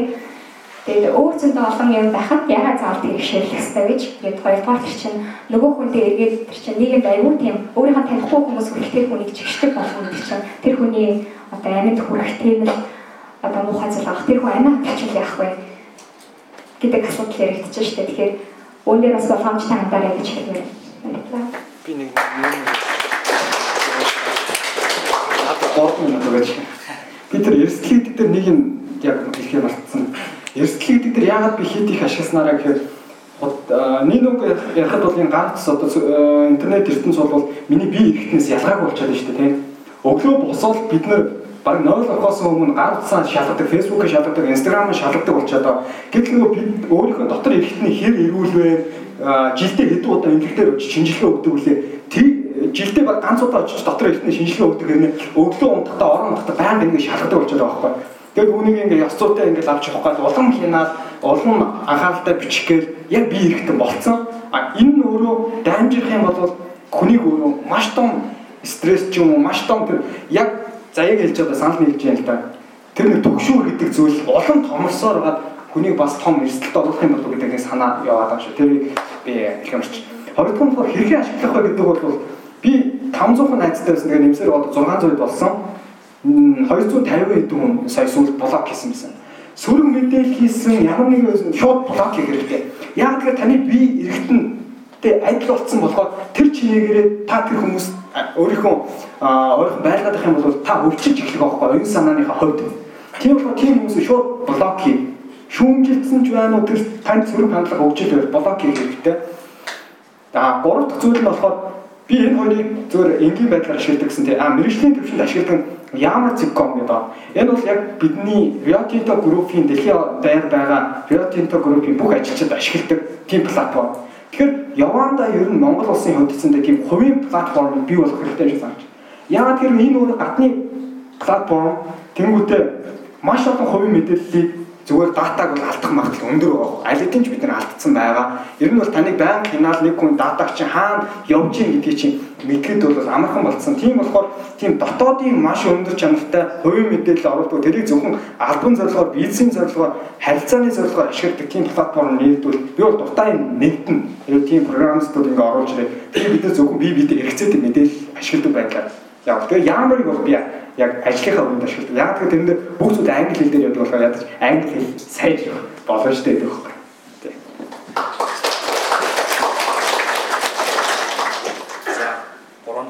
зочиндоо маш баярлалаа гайхалтай зүйл байна. Би тэгээ энэ дагшранд бас энд хүрэлцэн ирсэн та бүхэн нэг зүйлийг маш сануулж хэлэх хүсэж байна. Тэр нь юу гэхээр та өнөөдөр энэ сонголтыг хийгээд энэ өрөөнд бидэртэй хамт байснаар тэр нөгөө эерэг мэдээллийг түгээдэг элчнэр гэж би та нарыг ойлгож байгаа байхгүй. Өнөөдөр нийгэм одоо дурдж байгаа маш олон хар мэдээлэл байгаа. А гэтэл тэр нь угаасаа яалтчгүй хамаг масыг хамардаг шүү дээ. Хам хин одоо муу явж чинь тэр нь ингээд хамгийн од олоод ингээд мэдээлэл тараад идэг. Тэгэхээр бид ингээд заримдаа зөвхөждөг байхгүй. За хичнээн ингээд одоо юу гэх 50 бит ингээд номын хэлцэл хийсэн за айгүй бол хүн үзэхгүй дээ ч гэдэг юм уу те. За подкаст одоо гаргачаад айгүй бол хүн яг сонсохгүй дээ гэх ингээд тийм үед айгүй их байдаг. А гэтэл нөгөө та бүхэн тийм ээ хүн болгонд дор бүрнээ сайн сайхан мэдээлэл түгээх гэдэг юм бол өнөөдөр гол нь энд сайхан эерэг мэдээлэл байгаа. Гэхдээ тэрийг бид өнөөдөр илүү гаргах хэрэгтэй. Тэгээ би энэ дээр сүүлийн үед маа найзад ингээд байгаа. Дотоод арслангаас ирээ гэж бид тэгээд байна Би нэг Тони Робинс гэдэг бид нэр арай ирж амжааг хүмүүс бид нэр жоохон атак болоод үгэл бясалгал хийж үйл ажиллагаа эхлүүлсэн. Тэгээ бясалгалын манд энэ нь болохоор priming гэдэг Tony Robbins гэдэг бясалгал байгаа. Тэгээ энэ Tony Robbins-ийн нэг ихтгэлээр ер нь хүн дотоод аслангаас ирэх гэдэг нэг ярьдаг. Тэрийг бид нар яриад. Тэгээ би яг сая тайнаг ярьж байгаа бодлоо л доо. Аслан гэсэн чинь Америкт би амтны үрээлэнд явж исэн чинь найз хүнтэй байжсэн чинь аслан 18 цаг өдөр унтдаг гэж байгаа байхгүй. Тэгээд одоо 6 цаг сэрүүн байхдаа юу хийсэн болоод араатны хаан болцдог байна гэж бодож байгаа байхгүй. Тэгээд ингээд та гар утсан дээр суулгаад үзээрэй. Гэтэ сүүлд iPhone, Apple-ийн iOS цаанаас ингээд хяндаг болох гэж байгаа гэсэн. Хянаад эхэлсэн ч юм магадгүй. Хэрэг цагийг гар утсан дээр өнгөрөөлж байгаа гаргаж ирдэг те. Та нар ингээд UP Hind ч юм уу тийм програм суулгаад үзэх юм бол ер нь бол зарим өдөр 6 цаг, 5 цаг гар утсаа болоод компьютер хийлээ 6 цаг оролцдог байхгүй. Тэгэхээр хэдүүлээ 18 цаг бол яг одоо арслантай адилхан ингээ өөр юм хийгээд ч мунтаад ч юм уу тэгээ явж штэ. Үлдсэн нөгөө 6 цагтай мэдээлэл өгөхдөө сошиал ертөнцид байхдаа бид маш зөв мэдээлэл хэрэгтэй. А тэгээд би Америк нэгдсэн улсад нөгөө медиагийн чиглэлээр сонирхолтой болохоор төгсөх чиглэлдээ медиагийн чиглэлээс сургуульд явсан байхгүй нэг мэрэгчлээчлээд аваад тэгээ амар гайхсан медиа гэсэн чинь би одоо сошиал медиа гар утас мэдээлэл технологийн хэрэгслүүд заах юм болов гэсэн чинь өнөөдөр надад энэ сандал бол медиа юм аа медиум юм аа гэж заасан байхгүй амар гайхал. Тэг яагаад үг гэхээр сандал гэдэг энэ зүйл өөрөө танд мэдээлэл өгдөг. Яг тэгэхээр өнөөдөр энэ сандал байгаа учраас цогтөлгүүндэр гэдэг хүн би энд ирээд суух юм байна гэдэг мэдээллийг авчичаа. Тэгэхээр нөгөө эгээгээр нөгөө монгол хүний нөгөө дахин хүн бурхан ухаантай гэдэг үг байдаг шүү дээ. Би тэр яг ойлгосон байхгүй аа нөгөө дарахчуу чи юм уралдаг энийг ингээд хийчихвэл хүний шийдвэр ингэж нөлөөлдөг юм байна гэж боддгийн байж тээ дархан чинь гэж бодож ирсэн. Тэгээд тэрнээс хойш би юм болгоныг видео гэж хардаг. Тэгээд гэх юм бол нөгөө фикшн микшн хүрээлэн борчин тэр шүү дээ. Бүгд амар утга учиртай үдийн юм яриад байгаа. Хүрээлэн борчин маш их мэдээлэл өгöd. Тэгэхээр би хоёрдугаар асуултаа яг энэ хилцүүлийн хоёрдугаар асуултанда ийм асуултыг асуух хүсэж байна л да. Өнөөдөр бид нар нөгөө мэдээлэлээ одоо энэ хэрэгслүүдээ өөрсдөө урлаа тэр уралсан хэрэгсэл чинь өөрөө таныг уралдаг. Тэгэхээр 58 маань 250 орчим хүнийг блок хийсэн байна тийм үү. Тэгэхээр иймэрхүү байдлуудаар та нар сошиал медиагаас авах мэдээллүүдээ хийгээд ингээд яг төвлөрөөд ажиллаа хийж явах нь айгүй их дистракт хийдэг чинь ингээд сатааруулдаг. Энэ сатаарлаас энэ одоо сөрөг мэдээллээс бид нар өөрсдийгөө юм яаж хамгаалдаг вэ гэх юм уу? Энэ асуултыг асуухыг хүсэж. За тэгээд дэлгэр заяагаас. Би эмгтээч дөнлөө яа төрөлөө надад надад өгчгээ. Тэгээд байна шүү дээ. Яаж хамгаалдаг вэ? Аа Би бол хүн блог хийдэг үү? Хүн блог блог хийдэг үү? Гэхдээ ер нь бол ашиглах цагаа багасгачмаар байгаа байхгүй юу? Орж тийшээ одоо хийх юмгүй байна гэж орж тэр сөрөг мэдээлэлүүдийг уншиж хахаар хэрэгцээтэй үедээ яг ороод хэрэгцээтэй зүйлээ хайж болоод уншичмаар байгаа байхгүй юу? Тэрнээс хойш одоо тэн дээр байгаа бүх мэдээллийг ингээ гүйлгэж үзээд байдаг шүү зарим хүмүүс чинь. Би ч гэсэн тийм байсан л та зөндөө зөндөө олон жил юм байна. Тэгээд тиймэрхүү зүйлүүдийг яг анхаарч авах хэрэгтэй шүү. Түрүүний хэлсэн шиг тэр anxiety гэсэн шүү дээ. Төгшөөр тэгээд тэр сөрөг мэдээллээс гадна бид нар өөрсдөө тэр төвшөлтөнд өөр ороод байдаг байхгүй юу? ингээд зураг ингүүт нөгөө лайкийн баг тоолчихгүй л тэг хідэн тэнгууд хоёр зүг хооронд нь харьцуулсан аль нь илүү лайктай байна. Тэр яг хэд ч хэрэгтэй тэр хэд ч хэрэггүй л байхгүй. Таны амьдралыг тэр баяжуулж гэнэ үгүй. А тэгэх юм бол тэр зүйлийг юусоо хийхээ болох хэвээр. А хэрвээ хийхээ болохын тулд би одоо хувь хүнийхээ юу хийсэн гэхээр нөгөө дэлгэцэн дээр гарч ирдэ дээ. Одоо ингээд утсан дээр ингүүт чинь нэг notification нэрэнгүүт чинь шууд ингээд тэр хүн чиний зураг ингээд тэгэж комент бичлээ гарч ирдэг те тэндэрийн зүгээр ингээд унтраац ахгүй. Тэгээд утасныхаа дэлгэцийг зүгээр цаг харах гэж утасныхаа дэлгэцийг харахад тэр бол ерөөс харагдахгүй. Тэгээд цагаа харчаад яг цагаал ингээд тавьчихад одоо тэр ямар ч нэгэн асуудал байхгүй гэсэн байхгүй. Аа зарим хүмүүс болохоор зэрэг нөгөө Facebook-ийнхаа юу ингээд утасны чинь дээр ингээд гарч ирдэ шүү дээ. Тэгээд бас дотор ингээд оронгууд чинь дээр ингээд чагсаалт болгоо гараад ирсэн байдаг. Тэгээ тэднийг бас ингээд унтраагаа заавал тэр аппликейшн руу орж иж нөгөө хин юу хэлсэн байна гэдгийг харагддаг тийм. Аа тиймэрхүү байдлаар бас би бас тэр хэрэгжилж амар өвөртөө тийм хамаагүй багасч байгаа байхгүй хэрэгэл тэрийг хэрэглэж байгаа цагч нь хамаагүй багасч байна. А тэгээ дээрэс нь чухал мэдээлэл авмаар байгаа зүйлсүүдээ ингээд нөгөө see first гэж шууд оронгуудаа ингээд тохиргоо хийждэгтэй. Одоо пэйж оронгуудаа энэ пэйжийн тань яг хэрэгтэй зүйлийг өгдөг тэр зүйлүүд Facebook дээр зөндөө олон байгаа. Тэгээд одоо тэр positive mango яг тэр цахилгааны юу ч юм уу те. Эдгээр хүмүүсийг зүгээр ингээд see first болгоод ороход шууд ингээд хамгийн нэгдүгээр тарифч харж гисаагаад болчих واخгүй. Тиймэрхүү байдлаар хэрэг юм бол хамгийн хэрэгцээтэй мэдээлэл хамгийн түрүүнд аваад тэгээд л одоо хошин тавьчих хэрэгтэй байхгүй. Тэгээд утсан утсаа хамгийн нэгдүгээр бас ингээд орныхоо дэргэд тавьж ундах хэсгүү. Би бас сүүлд би бас өөртөө зөвхөн сэрүүлэхтэй цаг гэсэн. Тэгээд эхний удаа ясаж яна сэрүүлэхэд дуурдаг уу юм. Тэр цаг хэвчээс. Тэгээд бүр тэгээд тэрийг солиулаад шин цагт олсон л доо. Тэгээд юу ч гэсэн унтахаа өмнө чинь тайлбарлахад чинь амар сөргөөр нөлөөлж байгаа тийм тэрийг бараг ингэ зүудэлдэг хөө унтахаа өмнө нэг харц хараад ямар нэг сөрөг мэдээ тарчих юм бол тэр чинь ингээд амар хүндтэй тэгээд өглөөс ирэхэд чинь бас ингээд хажуудлаа хүнд ч юм уу эсвэл өөрийнхөө хүнд сайн уу хэлхээс өмнө утас руугаа явдаг штеп бид нар. Тэгэхээр тэднийг одоо зайлуулахад бол бид нар яг яг үндэ тэрийг яг physically чиний одоо би бит чинь байхгүй тохиолдолд тэрийг одоо ашиглахгүй ашиглахгүй гэсэн үг байна. Тэгээд ашиглахгүй болоод тэрийг тэрний хэрэг хэрэглээг дахиад давхар хязгаарлаж байгаа гэсэн үг. Тэгэхээр иймэрхүү байдлаар бол аа Instagram юмнуудыг бас зөв ашиглах хэрэгтэй. Аа нэг зүйлийг хэлэхэд хэрвээ одоо та ямар нэгэн байдлаар ойрын дунд хугацааны урт хугацааны зорилго өөрөө тавьсан бол Instagram, Facebook-ийг зөв ашиглах нэг зүйл юм бол тэрийг бусдад зарлчих юм байна одоо би зарил ийм зарил жишээлбэл өглөө болгон би 6 цагт босчихгүй нэ гэдэг юм уу тий. Тэрийг одоо бусад хүмүүст зарлаад өглөө болгон 6 цагийнхаа тэр зургийг аваад тавьдаг байх ч юм уу. Энэ бол таны зорилготой хүрэхэд улам их одоо хүмүүст хэлсэн учраас та тэр зүйлийг биелүүлэхийг илүү хүчээх байхгүй. Хийхгүй байгааг та ганцхан мэддэг тохиолдолд хүмүүс зорилгоос айгүй хурдан одоо буцаагчдаг. Тэгэхээр тиймэрхүү байдлаар Instagram, Facebook, social network-ийг бусад хүмүүст ингээд хэрвээ би ийм зүйл хийж байна. Би өглөө болгоно гэж постлох болно гэж хэлсэн тохиолдолд хүмүүс хэлж учраас түүнийг биелүүлнэ. Харин биелүүлэхгүй тохиолдолд хүмүүс эргээд бас асуу асуугаад хэлдэг байхгүй зураг хийн гэсэн яач бач гэдэг юм тий. Тийм болохоор иймэрхүү байдлаар бас эрэг мэдээллийг бусад төвөх эргээр сошиал нэтворкийг бас ашиглаж болно.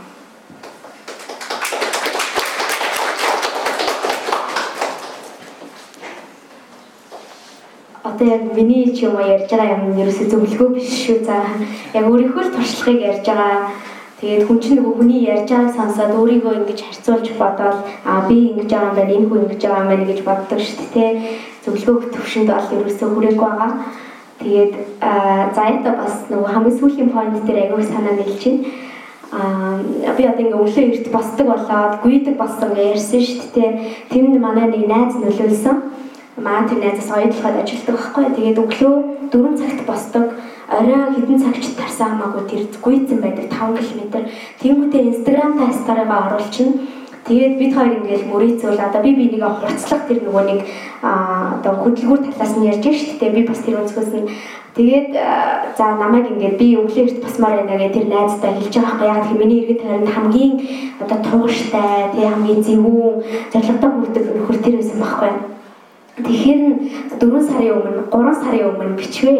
Чи ингээ өглөөрт босд юм байна. Чи над руу бичээд ингээ хоёлаа хамт босъё гээл.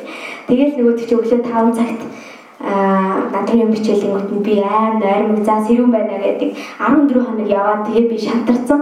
Тэгсэн чинь намайг ингээд нөгөө миний нэрийг бүх юм дээр лүүсэргээ хатгалцсан чатн дээр лүүзер өөрийгөө винер гэж хадгалсан. Тэгээд тэгээ бүр ингээ харахаар уур үрээд хүн алдаа л үстэй гэж би дотоо бодсон тий. Тэгээд саяхнаас 10 гаруй хоногийн өмнөөс дахиад гин дургу үрээд би өрний лүүзер нэрээ ааж хаймаар байна гэд. Тэгсэн чи одоо миний нэрийг хичээж яваа амт ингээс хэлсэн байна. Тэгээд хичээж яваа яг үнэндээ яг өмнөхдөр би лүүзердсэн үү бол лүүзердсэн. Гэх мэтчлээ ингэж гоё урам зориг авдаг хүмүүс сошиал медиа дээр олон байна. Аа тэгээд миний хувьд болохоор энэ хүмүүсээ илүү нөгөө нэг see-first хийх хичээдэг. Аа Facebook дээр жишээ авах юм бол би see-first Manas Daily байдаг. Нэгэн минут тийм бичлэг амар гоё тий тэр нас тэр нөгөө залуу ингээд ярьж байгаа байдал нь айгүй гоё. Тэгээд дараа National Geography байдаг. Тэгээд Lee а биш Gary V гэж залуу байдаг. Нэг захинж ярьдаг амир хэцүүлтэй сонсоход гэхдээ үний юм яриад байдаг. Юу жишээ авч ирэх юм бол гэдэг байхгүй. Who gives who gives the fuck to your emotions гэдэг байхгүй.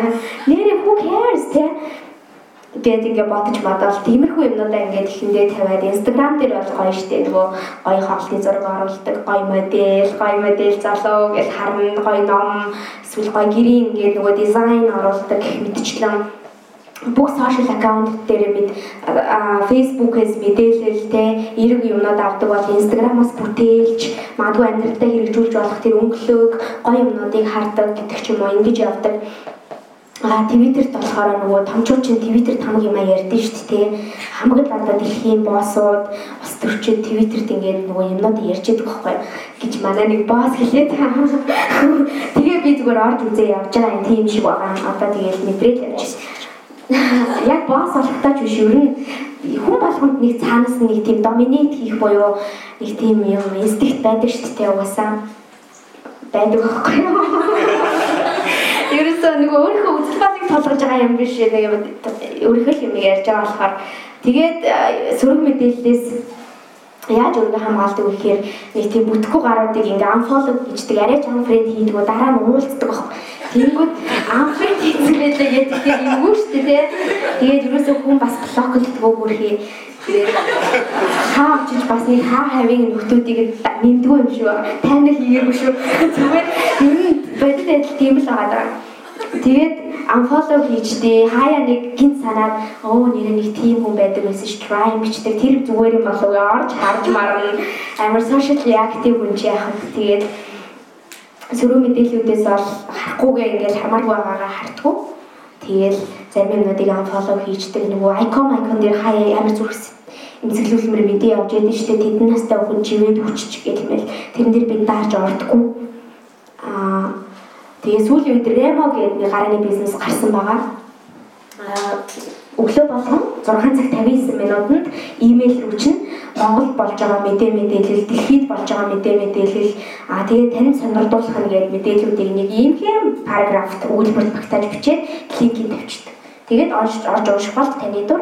Тэгээ яа тэгэхээр хүмүүс өнөөдөр бас амар их мэдээлэл аваад байгаа юм шиг боловч хэрэгтэй мэдээлэл авахгүй байгааг энэ гарааны бизнес шийдэж өгч байгаа юм билээ. Тэгээд айгуу дуртай энэ Remo Daily гэдэг энэ юуруу subscribe хийгээрээ тэгээд нөгөө хэрэггүй биш хэрэгтэй мэдээллүүдээ тэгээд бас авах нэг сугийг нэмээрээ гэж зүгээр санал болгож байна.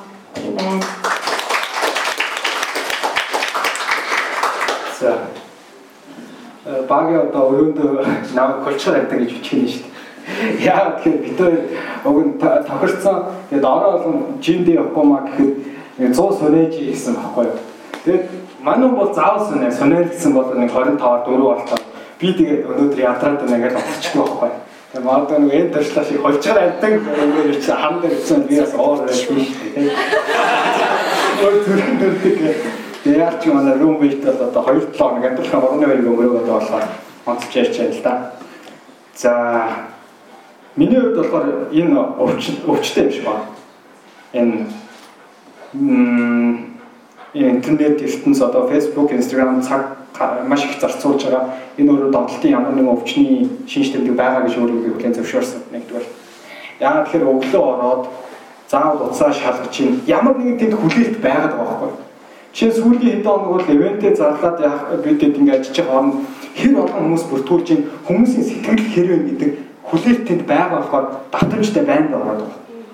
Яалч юу ямар нэгэн байдлаар хүлээлт бий болсон. Тэгэхээр тэр өвчний эмгэг бол надад байна. Харин яаж ангиж чадахыг бол одоо хүртэл мэдэхгүй. Гэтэ энэ хоёроос ямарсан сонслоо зөвлөгөөг нь сонирхолтой бас зөвлөгөөнүүд хэрэгжүүлж болох зөвлөгөөнүүд байна гэж ойлгож байна. Яг зүгээр миний нэг өвчнийх нь их усүр юу вэ гэхээр би хүнтэй чатлан те чатлал заавал тэр дор нь хариу өгдөг байхгүй юу? Зарим хүмүүс ингээд биччихэнгүү тэрхүү ингээд онлайн байгаа л гэдэг нь бичдэггүй тийм над руу. Тэр кяс биччихэж би асуудлаа шийдчихэд өөрийнхөө ажил ормоор байхгүй. Тэгэхээр бичихгүй хүлээлгээд байхад би анхаарал төвлөрдгөө ажил руу орж чаддгүй.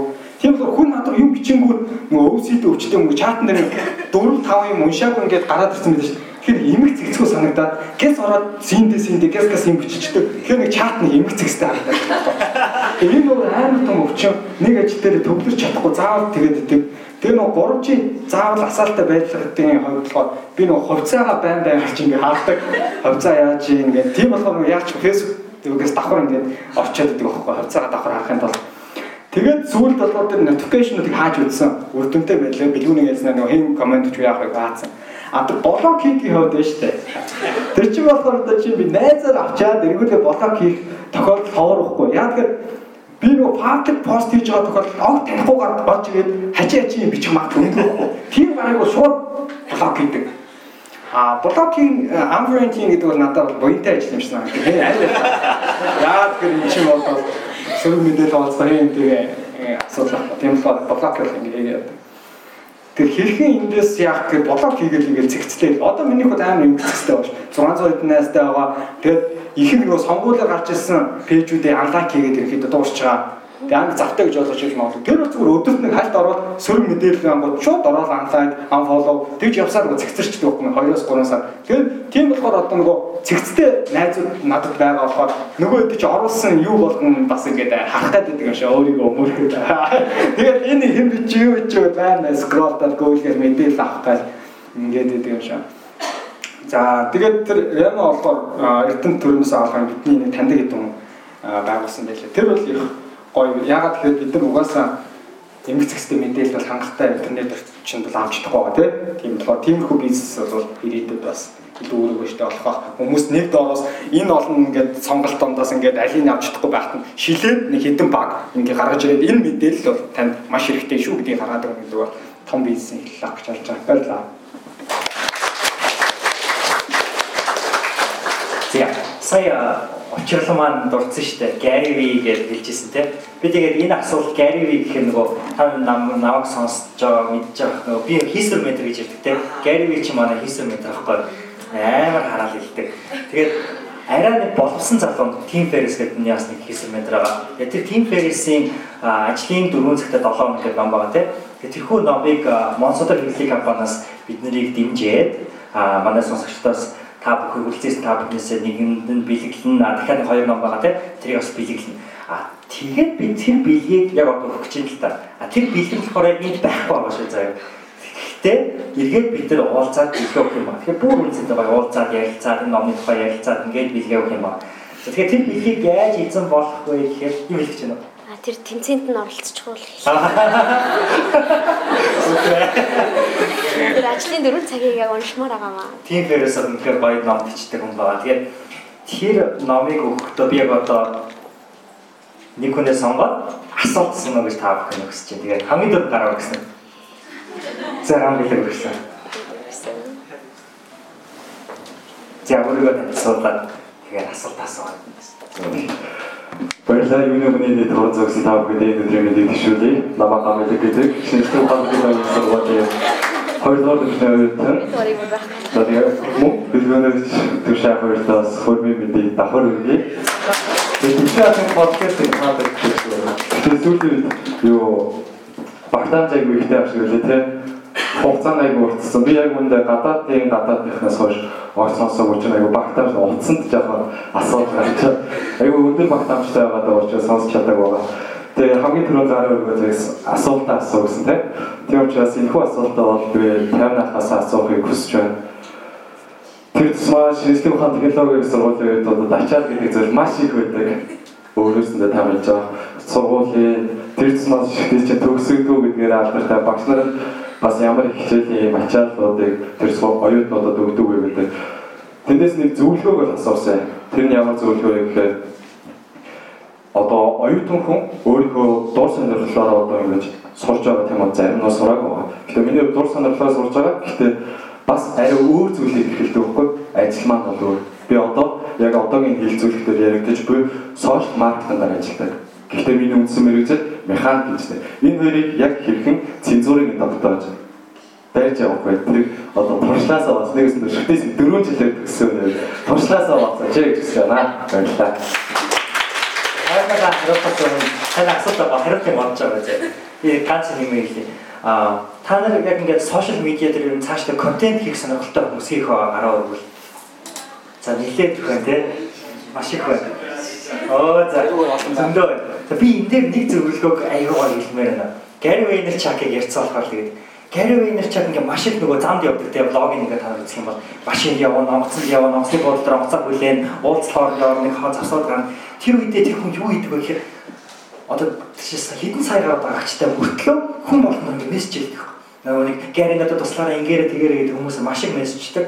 Тэгээ одоо бид нар яг ямар үед амьдраад байна гэх юм бол хэдий контент хийж байгаа, хэдий юм бүтээж байгаа завгүйч гэсэндээ эргээгээр нөгөө контентыг чинь хүлээж авсан хүнтэйгээ маш тийм үнэн амьд харилцаа бий болох тийм үнэн шаардлагатай байгаа учраас миний зөвлөх гээд байгаа зөвлөгөө юу гэхээр та бүхэн яг тэр хүмүүстэйгээ маш гоё амьд харилцааг бий болохыг хичээж байгаа. Тэгээ би яа гам бэлгийг яг гарч ирээд байгаа гэж чинь тэгэхээр гам бэлэг битээр ингээд чатчдаг байхгүй. Гам бэлгийн адар сэтгэлээ бичсэн шүтист ингээд гам бэлгийн надтай хамгийн холбогдсон юм гэхээр шүтисттэй багш нь та нар тэр подкастыг сонсч байна гэж загисан гэсэн тий. Тэгээ ингээд надад түүхээр ингэж түүх өгүүлс надтай холбогдож исэн. Тэрнээс биш би гам бэлгтэй ингээд дандаа чатласараад мобисийн урд явж исэн битээр таарсан. Оо гам бэлгээ гэдэг би би таньж байгаа байхгүй. Тэгэхээр тэр бол надад аягүй гоо санагц. Яагаад тэгэхээр өнөөдөр би тэр подкастаа хийгээг байсан гам бэлгтэй эзэр танилцахгүй байсан тийм. Тэгэхээр би бас цаашдаа контент үйлдвэрлэж байгаа хүмүүстэй зөвлөх зөвлөгөө гэх юм бол тэр хүмүүсэргээ маш дотны харилцаа үүсгэхийг бас хичээгээрээ тийм дотны харилцаа шиг нөгөө ийм дотны харилцаа. Тэгээд тэгээд би энийг тайван хэлмээрээ тэгээд нөгөө эргийг 50-аагийн хаяанд ороход бол миний ганц алдаад байдаг юм болохоор би нөгөө өвсөйдөргөө учраас хэдэн хоногийн дараа хариу байгаа байхгүй аюу одож одож байгаа. Тэгээд тийм алдаа бити гаргаарай гэж өөрийнхөө алдаан дээрээс та бүхэнд сануулмаар. За ингээд аюу даваад л юм шүү. Алдаа. За тайван. За гамтлахын чи яг механик инженерээр ирээдүйд ажиллах юм уу? Энэ сошиал медиа маркетинг талаар ажиллах юм уу?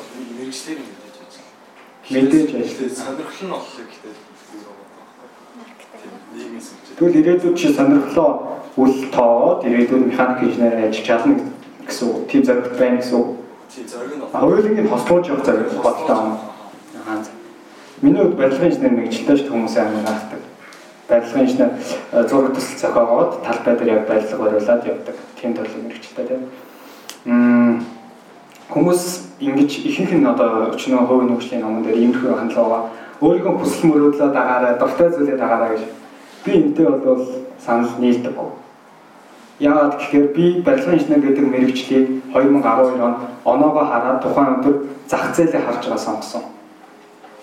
Тухайн барилгын салбар маш их хөсөрсөн ажлын дээр бий болсон байсан болохоор би ирээдүйд 4 жилийн дараа ажлын дээр байх уу гэдэг анализ хийж сонгосон гэрүүлэхэд ярилцж байгаа. Бусдаар би зураг зурагтаа маш муу байсан. Энд барилгын инженер боломж төсөөлдөж байсан. А тэгтээ тоо физиктэй дуртай байсан. Яагаад би энэ үгийг үүсгэж байгаа юм бэ гэхээр өнөөдөр хиймэл орны ухаан маш хурдтай хөгжиж байгаа. Та анзаарч байгаа бол дэлхийн том том олон улсын нисэг бодлын бүх зүйл роботууд маш олон ажлын байрыг эзлээд эхэлчихэж байна.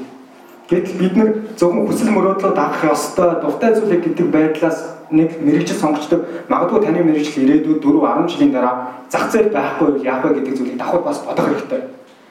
Тэхийн тулд энэ хоёрыг яаж хослуулах хэрэгтэй гэхээр би 7 хоногийн амлалтаараа ирчээд яагаад онлайн номын хэлцүүр хийгээд дуртай юм хийгээд байгаа гэхэд яг чамдаа дуртай байхгүй.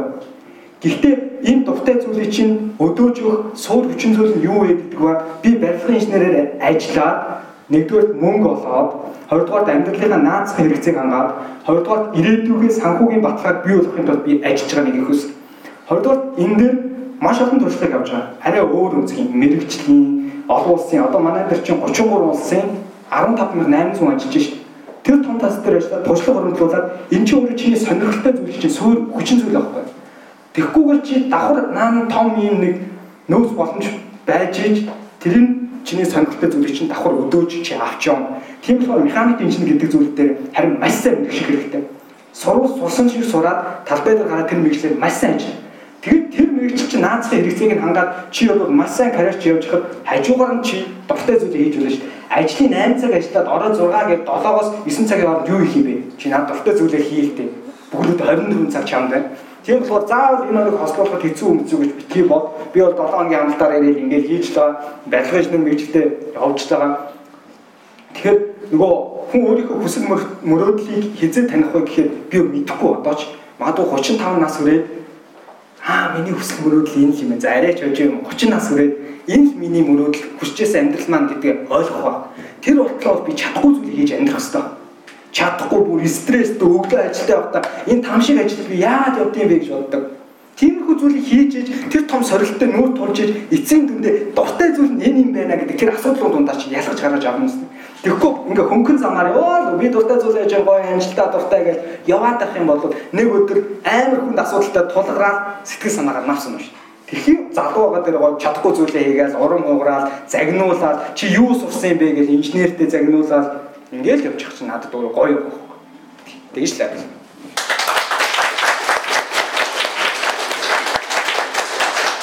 Яа танада маш их баярлалаа. За дараагийнхаа дахиад хоёр асуулт үзэгчдээс аавна. Тэрнээс өмнө би өөрийнхөө бэлдсэн асуултыг асуух гэдэг. Тэгээ энэ асуулт нь юу гэхээр би хэлсэн шүү дээ. Гамбигийн хадад танилцсаа түүх өгүүлж танилцсан тийм. Яг хамгийн сургууль дээр нь яаж подкастыг багш нь ярьсан гэдэг тэр түүх надад өгүүлсэн баг. Тэр хүнд юу үлддэг вэ гэхээр түүх үлддэг юм байна л да. Тэгэхээр энд ирсэн гурван зохиолч зочноо дурууна түүх өгүүлэгч нар гэж би хараад байгаа. Storytellers тийм. Тэгэхээр заяагийн маань хувьд, учирлын маань хувьд 58-гийн маань хувьд хэрхэн яг энэ хүү олон нийтийн сүлжээг ашиглан storytelling хийх вэ? Жишээ нь одоо заяагийн блогийг унших юм бол би нэг блогийг нэг их санд юм аа нэг тийм нэг өдөр юу ч хийгээгүй өнгөрсөн өдөр гэл те. Ингээл нэг айгүй нэг найзлаа тийм баха. Тий. Тэгээ тэр нь ингээд надад үлдсэн бахаа түүх өгүүлсэн учраас а учирлын бас нөгөө энэ work center-ийн сонио хачныг өгүүлдэг юмнууд байна те. Блог тэд нар айгүй өгүүлдэг. Тэгээ таймнаа бит хоёрыг бит хоёр болохоор ингээд подкастн дээр э, номын хэлцүүл хамтаа явал аль түүх өгүүлэхийг өгчээд те. Тэгэл хамгийн анх бит хоёр чинь Америкаас Монголоос холбогдчиход бит хоёр өнөөдөр энэ түүхийг бүтээж ийн гэл те. Тэгэл эргээгээд ингээд ярихад бол тийш өөрөө түүх болчтой. Тэгэл тэр үедээ чинь айлхан түүхийн агуух ярих гэж байсан. Хэрвнийг сошиал медиагаар олон нийтийн сүлжээгээр дамжуулан хэрхэн түүх өгүүлэх вэ? Хамгийн зөв арга нь юу вэ та гурыг болж байна. Тийм. За ингээд дэлгэр заяас эхлэв. Тэгчээ. Аа Ер нь яг чиний яг хэлсэн шиг түүх өгүүлэл хүний тархинд үлддэг гэдэг яг үнэн баггүй. Аа сайн хэлсэн тэр нөгөө өнөөдөртөө амьдэрсэн биш юу лээ. Өөр хөрлөлтсөн. Нэг өнөөдөртөө амьдрах гэдэг нэртэй блог гэсэн байхгүй юу ч хийгээгүй шүү амар олон юмсан. Гэхдээ нөгөө хийчихсэн, заржсэн ажлаа хошин тавиад өнөөдөртөө нэг өдөр одоо татныхаа хүмүүстэй өнгөрүүлсэн тийм нэг өдөр гэсэн байхгүй. Аа хамгийн түрүүнд түүх яаж өгүүлэх вэ гэдэг нь хамгийн түрүүнд уншиж байгаа тэр уншигчдынхаа одоо нас хүйс шиг юм уу тэр ямар хүнд зориулж бичиж байгаагаа эхлээд сайн ухаарах хэрэгтэй байна. Аа хөгшин хүмүүс бичиж уу эсвэл хүүхдэдэд зориулж бичиж уу гэдэг айгуу чухал байдаг. Тэгээ миний хувьд болохоор яг одоо та нар юм залуу хүмүүс зориулж бичдэг болохоор зэрэг а өөрийнхөө бичлэг юм маяг бол шууд ингээ хүрэх боломжтой гэж боддог байхгүй одоо миний юу бичсэн тэр болгон одоо ойлгомжтой байх гэдэг утгаараа арай хөвшин хүмүүс зориулж биччихвэл тэр чинь одоо а арай өөр арга аргатай жишээлбэл зарим нэг зүйлүүдийг илүү тодорхой тайлбарлах одоо шаардлагатай болно гэсэн үг шүү дээ мэдхгүй гэж бодож байгаа юм л тэ орчин амьдралын зарим нэг одоо залуучуудын хоорондоо л тэр ярианы юмагаар бичиж болохгүй гэсэн. Аа миний ойлгохоор зэрэг зарим үед нөгөө байгаль орчны асуудлаар бичдэг болохоор зэрэг аль болох нөгөө техникл гэж ярьдаг шүү дээ. Мэргэжлийн үг хэллэг ашиглахгүй тэднийг аль болох хүртээмжтэй байдлаар одоо бичгийг зэрдэг гэсэн үг байхгүй. Тэгэхээр чиний audience буюу тэр одоо хүрч байгаа хүмүүс чинь яг ямар хүмүүс байна вэ гэдэг нь миний хувьд бол хамгийн чухал. Аа өөр одоо хэлээд ах зүйл юм бол би ганцхан ахыг дурдмаараа нөгөө Барцабас харна гэж ном байдаг та тийм. Тэгээ тэр дээр болохоор яг яг нэг тийм л өнгө IC яг тэр audience буюу тэр одоо хүрч байгаа хүмүүстэй зориулаад яг бичсэн ном байгаа байхгүй юу? Яа тэгэхээр одоо гэж байгаа штэ гэдэг бид нар ярьдаг штэ тий. Одоо тэгсэн л үг штэ ч юм уу. Тийм юмнуудыг яг тэр чигээр нь гэж байгаа штэ гэж бичсэн. Гэж байгаа шүү дээ гэж өгöd бичих хэрэгтэй тий. Гэтэл тэднийг тэгж бичихгүй ингээд ингээд бичиж байгаа хүмүүс л одоо хөрнө гэсэн утгаар л одоо тэр хүн тэгж бичиж байгаа гэж би бодож байгаа. Тэрнээс ч одоо тэр үгийг яаж бичиж мэдэхгүй дээ тэр хүн тэгж бичих байх байхгүй юу? Аа тиймэрхүү хэв маягаар бид нар тэр хүрч байгаа хүмүүсээс би одоо хамгийн түрүүнд бодох хэрэгтэй болов гэж бодож байна да. А даах орчны сэдвэр бусад хүмүүст хүрэхийн тулд хамаагүй яг ингээд фактаар нүдэд байх л аягүй хэцүү байдаг. Хүний сэтгэл зүрхэнд хүрэхийн тулд тэр чинь дан ганц одоо тэдэн хүн асуулч гэхээс илүүтэйгээр танд ягаад хамааралтай бэ гэдэг талаар бичвэл илүү хүний зөвхөн дэлгэр хүрдэг нөгөө хүний хүнийхээ өнцгөөс одоо харж бичих нөгөө хүний ойлгох асуудлыг миний хувьд би өөрийгөө юун дээр илүү шүүмжилдэг вэ гэхээр зэрэг би шүүмжилж бичих гээд байдаг ерөнхийдөө. Яа тэгэхээр нөгөө бичиж байгаа сэдвэнд дандаа болохгүй юм дээр хаан бичээд байгаа болохоор зэрэг шүүмжлэх үнгээс амар орчдог байхгүй тэгэхээр хүн өөрийгөө шүүмжлэх аягүй дургүй байдаг. Тэрийг мэддэг хэрнээ би ингэ дэмжилчээд байдаг миний бодлоо та. Гэтэ та нар түүнийг одоо тавтаж болохгүй бичиж явахдаа явцтай хийж явах хавцтай юм ярьж явах хавцтай. Хэлж байгаа хүмүүсээ хизэж дарамжилж болохгүй.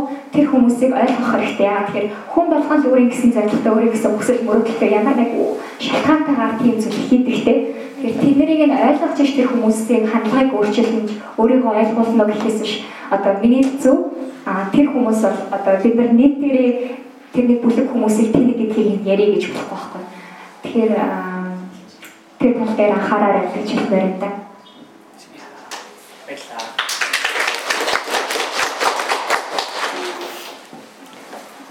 ам блогер блогеруудын нэг community байдаг та нар тэнд байдаг уу блог бичдэг хүмүүс нь UB UB loft гэдэг тий а тэр болохоор яг нөгөө энгийн хүмүүс энгийн бос хүмүүс. Одоо блог бичдэг хүмүүсийг энгийн хүмүүс эмочуд гэдэг юм байлээ л дээ. Тэрийг сүүлд орж мэдсэн.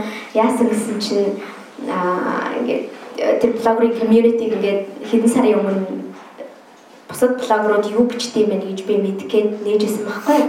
Тэгээ бэлгүүнийг ч гэсэн хайгаад нэг найзаараа меншндүүлээд нэмүүлсэн байт юм байлээ. Түрүүн фан харж ирсэн чинь.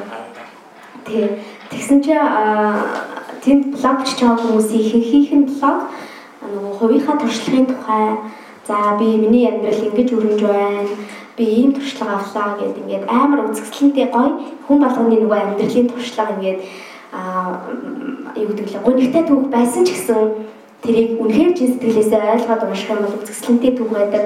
Тэгээ тэр хүмүүсийг ингээ уншаад би тэгж бичих гээд гисэн чи ерөөсөө болдгоо.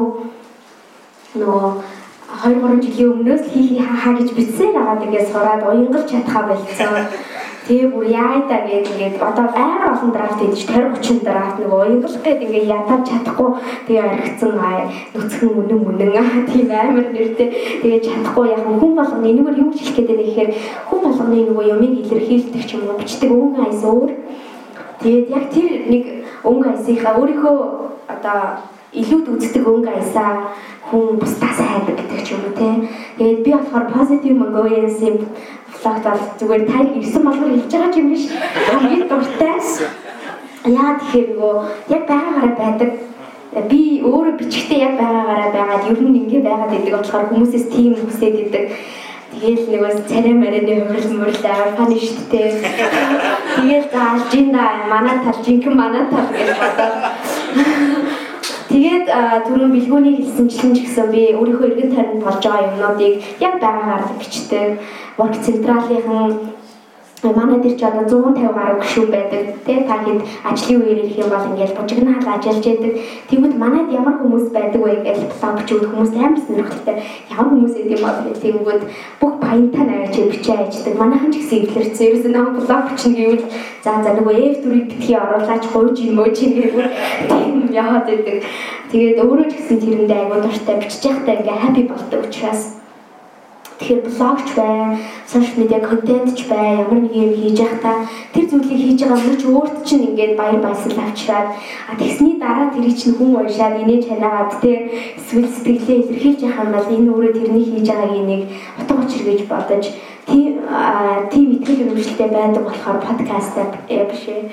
Подкаст ерөөсөө хийж байгаа шүү. Блого бичсээр л байдаг. Тэгээд зарим нь яг нэг тийм сэдвийн хүрээнд баригддаг уу, насны хүрээнд бас бичдэг үү? Яагаад тэгэхээр зүгээр л ингээ бичдэг хөгшин залуу янз бүрийн хүмүүс уншдаг юм байлээ. Статс харна шүү дээ. Тэгээд medium.com гэдэг платформ, Twitter-ийн үүсгэн байгуулсан платформ дээр бичдэг хаяа англиар хаяа монголоор бичдэг. Яа тэгэхээр миний дагагчдын ингэж ярих ямар гоё юм те медиум дээр яалтчгүй дагагч гэж гарч ирээд байт юм а тал нь болохоор яг гадаадаас хүмүүс дагаад идэг. Тэгээд тэр хүмүүс ингээд Монгол хүмүүс би нөгөө баяо тэгээд өгцөн. Mongolian Youth Advisor, Advisor гэдэг entrepreneurship өгчүүд яг Монголд юу болж байгааг мэдэх гэсэн хүмүүс таадаг. Тэгэхээр нь бас жоохон аял дээр Тийм бай айгуу чухал хүмүүс хамгийн түрүүнд баяг чинь хараад тэгээд дараа нь контентыг чинь хардаг байхгүй яг үүндээ бид нэр өөрсдөө хүмүүсийг дахиад хүртдэг гэж гарч ирдэг шүү дээ. Тэгээд ер нь бол миний блог бичдэг юм аяг гэх юм бол илүү өөрийнхөө үг ч гэсэн өөрийнхөө ганц ахлаа ахтай нэг нэг тайпны юм шиг байгаа. Гэхдээ би бас арайч ганжахлах шиг гоё бичдэг тийм. Тэгээд бүх насныханд зориулж бичдэг зүгээр амьдралынхаа хүмүүст хэлж болно хүмүүсийн мэдээсээ гэсэн туршлагааны нуугуу бичдэг. Аа дээрэс нь яг блогер бич хүний хувьд ч юм уу нэг нэг асуудал байдаг. Нөгөө хүн чин сэтгэлээсээ юм бичихэд хэцүү байдаг. Яа тэгэхээр хүн ингээд өөрийнхөө нандин юмнуудыг ч юм уу ингээд гаргаад биччихээр жинхэнэ нөгөө а vulnerability буюу нэг тийм сул дорой санагдаж эхэлдэг санаа зовнил санагдаж эхэлдэг Аа тэгээ би 2 3 жил лагтад урьдсан бүх нууцаа бичээд хүмүүний сэтгэл төрхийн тулд би бас бичиж үзсэн. Тэгсний дараа би өөрөө хүмүүсийн дундор үсгий явж байгаа юм шиг надад санагддаг болсон. Тэрнээс хойш одоо бараг хагас жилийн өмнөөс би ерөөсөө тийм маш нарийн нандин эмзэг утас хүнсэн ч юм уу тиймэрхүү юм бичгээ ер нь болсон. Тэр нь ч надад амар санагдаад аль болох амьдралын гэрэл гэгээтэй өнгө аясаа гаргаад өөрийнхөө дуртай ямиг бичээд хүмүүсийн хүмүүс аваасаа юм мэдээсэй гэж бодож байгаа юм аа. Тэгээ манай байгууллагыг таньж аваасаа гэж ивэл бичээд. Тэгээ ураг централийн хамгийн хамгийн ингээ блогийг уншаарай хүмүүс татсан л хийгээд юм. Би бол өөрөө уншиж байхдаа бичиж байхдаа бас айгүй хийнээд түгээл бичижсэн болохоор аргачгүй байх. Ер нь бол иймэрхүү байдэ. Тэгээд дараа нь бас яг блогруудын те тэр нөгөө хүмүүсийн эмогийн дага хүмүүсийн уулзалтыг хий гэж бодож байгаа. Блогер блогеруудыг яа тэгэхээр юу гэдэг дотоод сэтгэлээ илэрхийллээ гэх тэр хүн эмо биш. Яг үндэ хүн болгонд emotional тэр нөгөө юм байж байгаа хэрэгцээ байдаг. Тэрийг гаргаж чаддаг хүн гаргаж чаддгүй хүн гэж байдаг. А магадгүй одоо энэ сууж байгаа бид гурав бол тэрийг гаргадаг тайпных нь хүмүүс юм шиг байгаа юм л та. Чадахгүй байгаа хүмүүс ах юм бол зүгээр оролдоод үзээрэй бичнэ гэдэг хэцүү, хүмүүст өөрийгөө илэрхийлнэ гэдэг хэцүү, хүмүүс таалагдана, таалагдсан юм хийнэ гэдэг хэцүү. Тэгтээ ерөөсөө анханасаа заавал таалагдах гэж тэрийг бичих биш. Эхлээд өөртөө таалагдсан, өөрөө сэтгэл хангалуун, өөрөө санаа зовдонлгүй, өөрөө инээгээд, өөрөө уйланд битсэн бол тэр зүйлээ дараа нь ингээд хүнд хүрэхэд окей гэж юу боддог байгаа. Тэгээ блог бичиж эхлэж байгаа хүмүүс ахын бол зүгээр л бичээрэй Миний хамгийн сүүлийн блог нэг хэд хоногийн өмнө гарсан. Блог хэрхэн бичих вэ? Харин pop гарч ихтэй. Тэгтэл яг энд ярьж байгаа юмудаа л хийсэн. Хүмүүст хэд их таалагдахыг хичээх хэрэггүй тий. Тэгээд биччихээж л сайжирдаг. Яг үндэ хүмүүс намайг сэтгүүлчээр сурцсан болохоор ингээд сайн бичдэг гээд. Тэнгүүд би нөгөө мэрэгжлийн карьерийг хөөж байгаа хүмүүсийн хажууд бичих чадвар муу гоё үгийн сонголт, өнгө аяс тэр гоё уянгын хайлал тэр шилжил таа. Тэр мөр ерөөсөй байхгүй зүгээр өөрийнхөө л бичдэг. Тэгэхээр өөрийнхөө л бич бичээд ихэл 5 блогийн дараа бол сайжрна зүгээр л хийгээд эхлээрэй л гэж хэлмээр байна.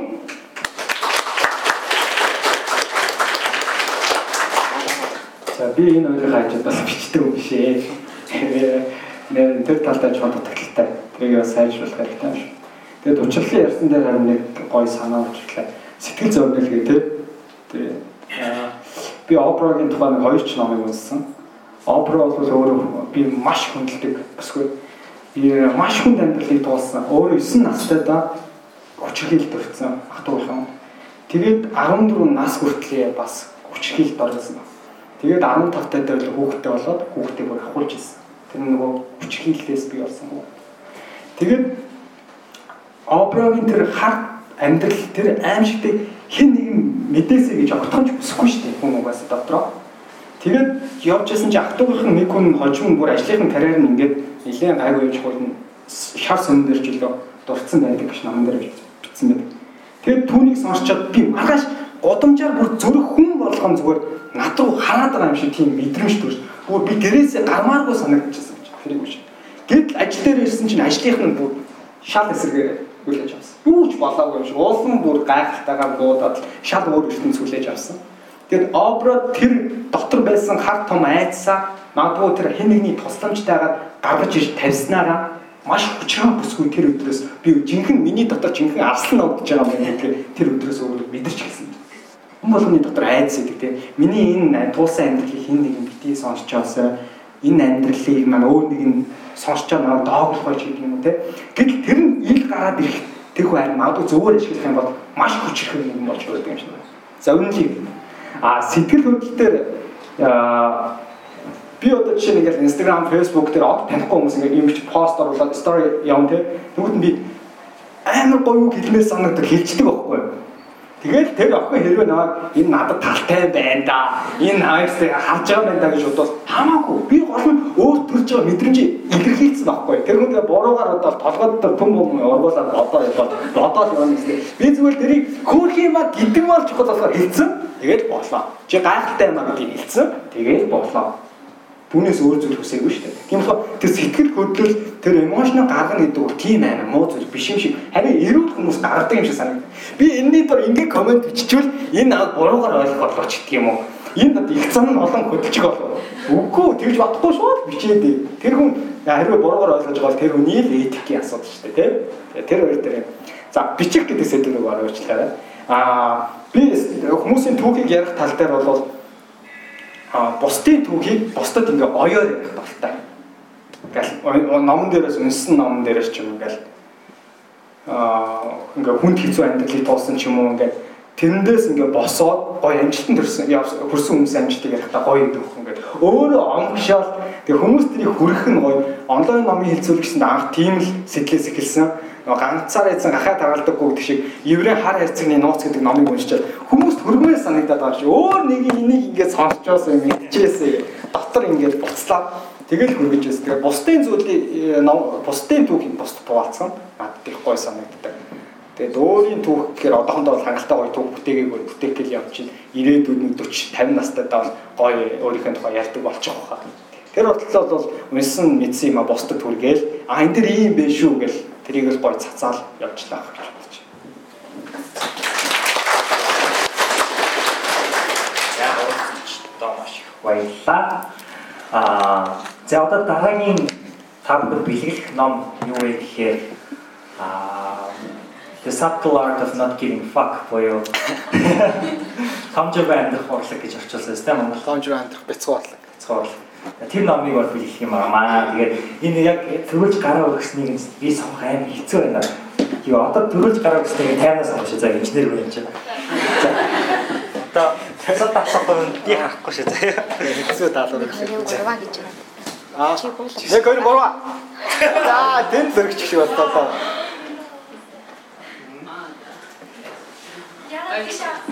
Оо тийм үү. Тэ одоо яах юм бэ? Чи нэг атсан шатаад тийш. За гар өргүүлэхгүйгээр яах юм? Өөр арга юу вэ? Юу гэж байна?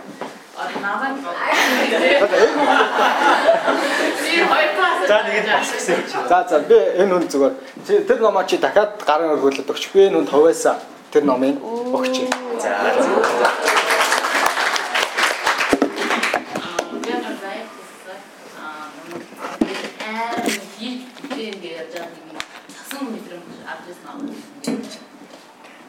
Нам бүр.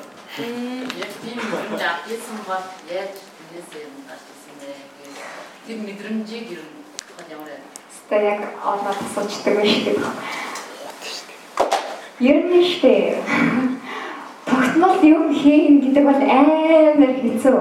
Тогтолгүй дээр ч гэсэн мэдж байгаа бах тийм. 7 хоног болгоо нэг юм хийн чинь амар хэцүү зүйл юу? Тэгээд эхлээд ихтэй болохоор дотор нэг юм амар төрнийсэн шиг ингээд буцалж байгаа юм шиг мэдрэмж төрөд эхэлчихдэг байхгүй. Би ялангуяа ингээд дотор нэг юм хиймээр санагдах юм бол тэр доор нь хийждэг байхгүй. Тэгээ ямар нэгэн байдлаар ирээдүйд хийж чадна гэсэн бодолтой бол тэрийг одоо хийж байгаа штэ. Гэхдээ ухаанлын 7 хоног блогийг бичихтэй би чадна гэж одоо тэр блогийг нээсэн.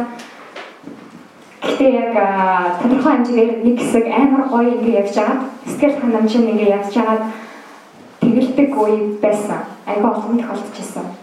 Тэрний талбартай ихээр зэрэг эсвэл сая ухаалын планад блогоос бүтэн сар засварлага авсан. Зөвхөн зүгээр л бодох юм бол зүгээр яг одоо блог хааш нэглэж чиглэлэх вэ? Би блогийг үргэлжлүүлж бичих үгүй юу? А хэрвээ бичих юм бол юуны талаар бичих вэ? Тэгээд ер нь энэ блогийг бичих шаардлага ер нь байна уу? ер нь хүмүүс уншиж чинь ч гэдэг юм а тий. Санаа санаа бодлоод орж ирж штэ. Яагаад тэгэхээр хүмүүс зарим хүмүүс болохоор зэрэг уншичаад юу ч хэлтгүй хүмүүс амар олон байдаг байхгүй. Тэгэл дараа нь хэсэг хугацааны дараа явж хаад чинь би чиний блогийг уншиж тэгэл гээд гарч ирээд байдаг. Тэгээ би тэрийг нь болохоор зэрэг надад хэлэхгүй л би тэрийг мэдэхгүй штэ. Тэгэхээр тиймэрхүү үед бол амар олон тохиолддог. Тэгээд эхлээд ингээд бичээ явж хаад айгүй гоё байдаг болохоор хамгийн нэгдүгээр ялангуяа би а дотроосоо нөгөө өөрөө сэтгэл олж бичдэг болохоор зэрэг тэрийг өгчсөн байдаг. Яагаад тэгэхээр би нэг тогтсон аа одоо тэр тэр зүйл болохоор миний дотроос гарч ирэх ёстой зүйл болохоор би тэрийг сэдвээ олно гэдэг аюу хэцүү байдаг надад. Нэг юм талаар биччихлээ дараагийн талаар юу бичих вэ гэж бодогдоод эхэлдэг байхгүй. Тэр нь ирээдүйд ингээд 10 гаруй блог явсны дараа ингээд сэдв болгох гоод одоо түүхтэж эхэлдэг болсон байхгүй. Эхэндээ болохоор зэрэг за энэ дараа би юм биччин тэрний дараа тийм нэг талаар бичих ингээд айгүй одоо тэр тийм тэр юмны талаар айгүй мэдлэгтэйсэн болохоор зэрэгтэй бараг ингээд шинэ юм уншихгүйгээр тэр тэр юмны талаар бичээ явуулсан. Тэжсэн чинь сүүл рүүгээ ингээд өөрөө тэрийг стрессэж эхэлж байгаа байхгүй. Ингээд бичээ явж бичих бичихсэд хаа явуулахгүй тэ юуны талаар бичих вэ? Тэр нь одоо хүмүүст хүртээмжтэй байх юм уугүй юу вэ? Бич бичмээр байх ч гэсэндээ тийм тийм одоо өөртөө эргэлзээ асуудал айгүйх гардаг А тэгж явж байгаа сая сар засаглаг аваад тэр хоорондоо яг юу ухаарсан гэхээр зэрэг би буцаад нөгөө зорилгоо ухаарсан юм байна. Миний хувьд болохоор зэрэг ийм л байна. Миний хийдэг зүйл болохоор манай найз хэлжсэн тэнд сууж байна. А эрдэнэ надад юу гэж хэлсэн бэ гэхээр чиний бичдэг зүйл болохоор зэрэг нийтийн бараа биш ээ гэж хэлжсэн. Яа тэгэхээр нэг бараа бол Coca-Cola шиг хэмжээний ихээр зарагддаг байж болно гэж байна Харин зарим нэг хүмүүсийн хувьд болохоор зэрэг бүхэн Coca-Cola зардаггүй шүү дээ. Зарим нэг хүмүүс хөгжмийн зэмсэг зардаг хүмүүс байна тий. Жишээ нь бол мэрэгжлийн төгөлдөр хуур зардаг хүн бол хизээч бараагаа Coca-Cola-ны шиг их хэмжээгээр хизээч зарч чадахгүй. Яг тэр бүхэн Coca-Cola уудаг учраас тэр аахгүй. Тэгэхээр миний блогийн хувьд гэх юм бол сэдв нь өөрөө олон нийтийг хамрахаар олон нийтийг унших унших тэр одоо хүслийг шууд ингээд сонсонготой уншмаар санагддаг сэдв биш байхгүй. Би зорилгодоо хэрхэн хүрэх вэ ч юм аль эсвэл хэрхэн өөрийгөө мотивацчлах вэ? Аль эсвэл хичээл дээр хэд яаж суувал одоо суухаар байлч ямар байвал чи онцох вэ ч юм уу? Одоо бидний өдөр тутамдаа одоо тулгардаг асуудлуудын талаар бичдэг байхгүй. Тэгэхээр зэрэг миний одоо бичдэг тэр асуудал болохоор зэрэг Coca-Cola биш байсан Тэрийгээ би өөрөө мэдчихад энэ бол Coca-Cola шиг байх хэрэгтэй гэж бодоод байсан байхгүй.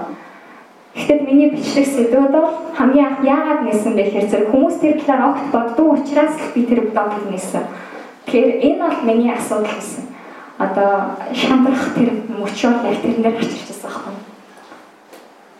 Анхнаасаа хүмүүс төгөлдөр мөр тоглох юм байна гэдгийг мэдчихээд төгөлдөр мөр яагаад тоглохгүй байгаа юм бэ гэж бухимдаад тэгээд төгөлдөр хуур тоглох болооч гэж хэлжсэн хүн би яахгүй. Тэгж яхад дараа нь би өөрийгөө ингээ харж яхад тэр төгөлдөр хуурал эхлээд агай гоё явжсэн зөндөө олон хүн хүлээж аваад аа төгөлдөр хур гоё юм байна гэж явжсэн. Тэгээд төгөлдөр тоглолтог гэсэн тэр хүмүүс харин эцэстээ болохоор зэрэг тэр тодорхой хэмжээнд цэгт хүрээд зогсон байдалд орж ирсэн байхгүй. Яг тэгэхээр зарим нэг хүн хизээч хэд дахин хэлүүлээд хур огт тоглохыг хүсэхгүй хүн зөндөө байт юм билээ. Тэгэхээр яг тэр үед яг би яг ингээд блог бичихтэй угаасаа энэ чинь өсөхгүй шүү дээ гэдэг бодол дотор орж ирээд Тэгээд айгүй хэсэг хэмжээсэн. Аа тэгээд түүнээсээ болоод одоо засаглах гэсэн яа тэгэхээр ухаалын 7 хоног блогны хийх дуртай зүйл байсан бол энэ бараг минь намайг стресс бүлдэг их усэр болж байгаа байхгүй стресс их усэр. За тэрэндээ одоо баригдаа тэрний хандлаас санаа зовоод хүмүүст би бичнэ харцаг тэрийг бичих хэвээр. Ингээд даамаг юм хэлж байгаа юм шиг. Тэгээд тэр намайг өөрөө айгүй стрессдүүлсэн. Тийм болохоор тэр зүйлээс бүтэн цагийн цааш одоо бацгийн зүйлс би а бичгээ одоо улам одоо хэсэг нь бичин бицээр а тэгэхээр бицээр байхдаа би тэр хүмүүсээс авдаг тэр expectation боёо тэр хүлээлттэй зогсох хэрэгтэй а хэдэн хүн унших нь хамаа байхгүй олон бид нэг олон хүмүүс хэрэг хүсэх юм бол уншихад бэлэн байх хэрэгтэй байхгүй тийм. Хүн хэрэг хүсгээд хүн төлөв бол тоглоё бодож байгаа бол тэр блог руу орж уншихад тэр төлөв болохыг байж хэрэгтэй тэгжээч одоо өдөр болгон хүн нэмэгдэхгүй ч гэсэндээ сард нэг хүн төгөлдөр гэх юм шиг тогтдог болно. Энэ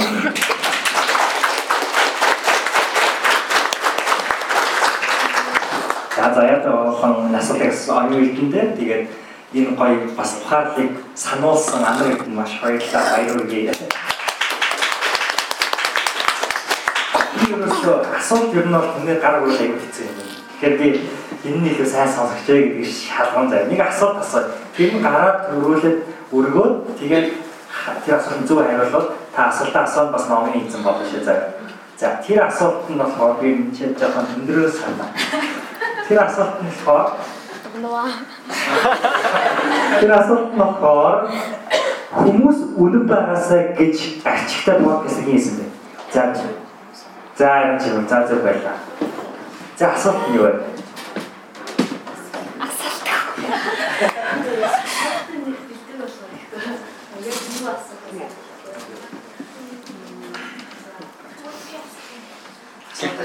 Тэгээ номын нэ авах.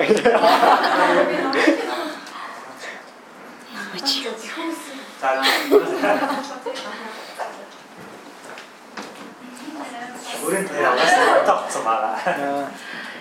Харин тийм дээ. Сайн байна уу? Энэ дээр энэ бүр юу нэг бас миний төрсөөр дөрөж байгаа. Би харин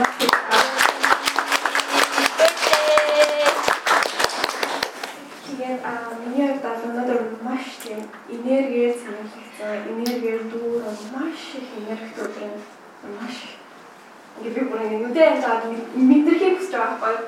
Тэгэхээр энерги гэдэг их чухал зүйл. Тэгээд би дэлгэрсэн яас асуумаар би яс нэг ухааллын талаар байна уншдаг уншигч.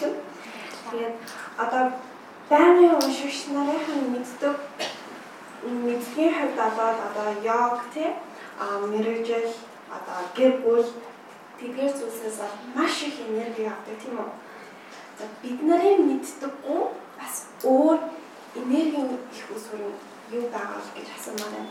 Магадгүй магадгүй одоо тэр их энергийн их усвараас гарсан зүйлээ бид нар дараа нь лог хүлээж авч болох юм гэж бас бодлоо. Тэгэхээр тэрийг бас мэдхийг хүсэж байна. Баярлалаа.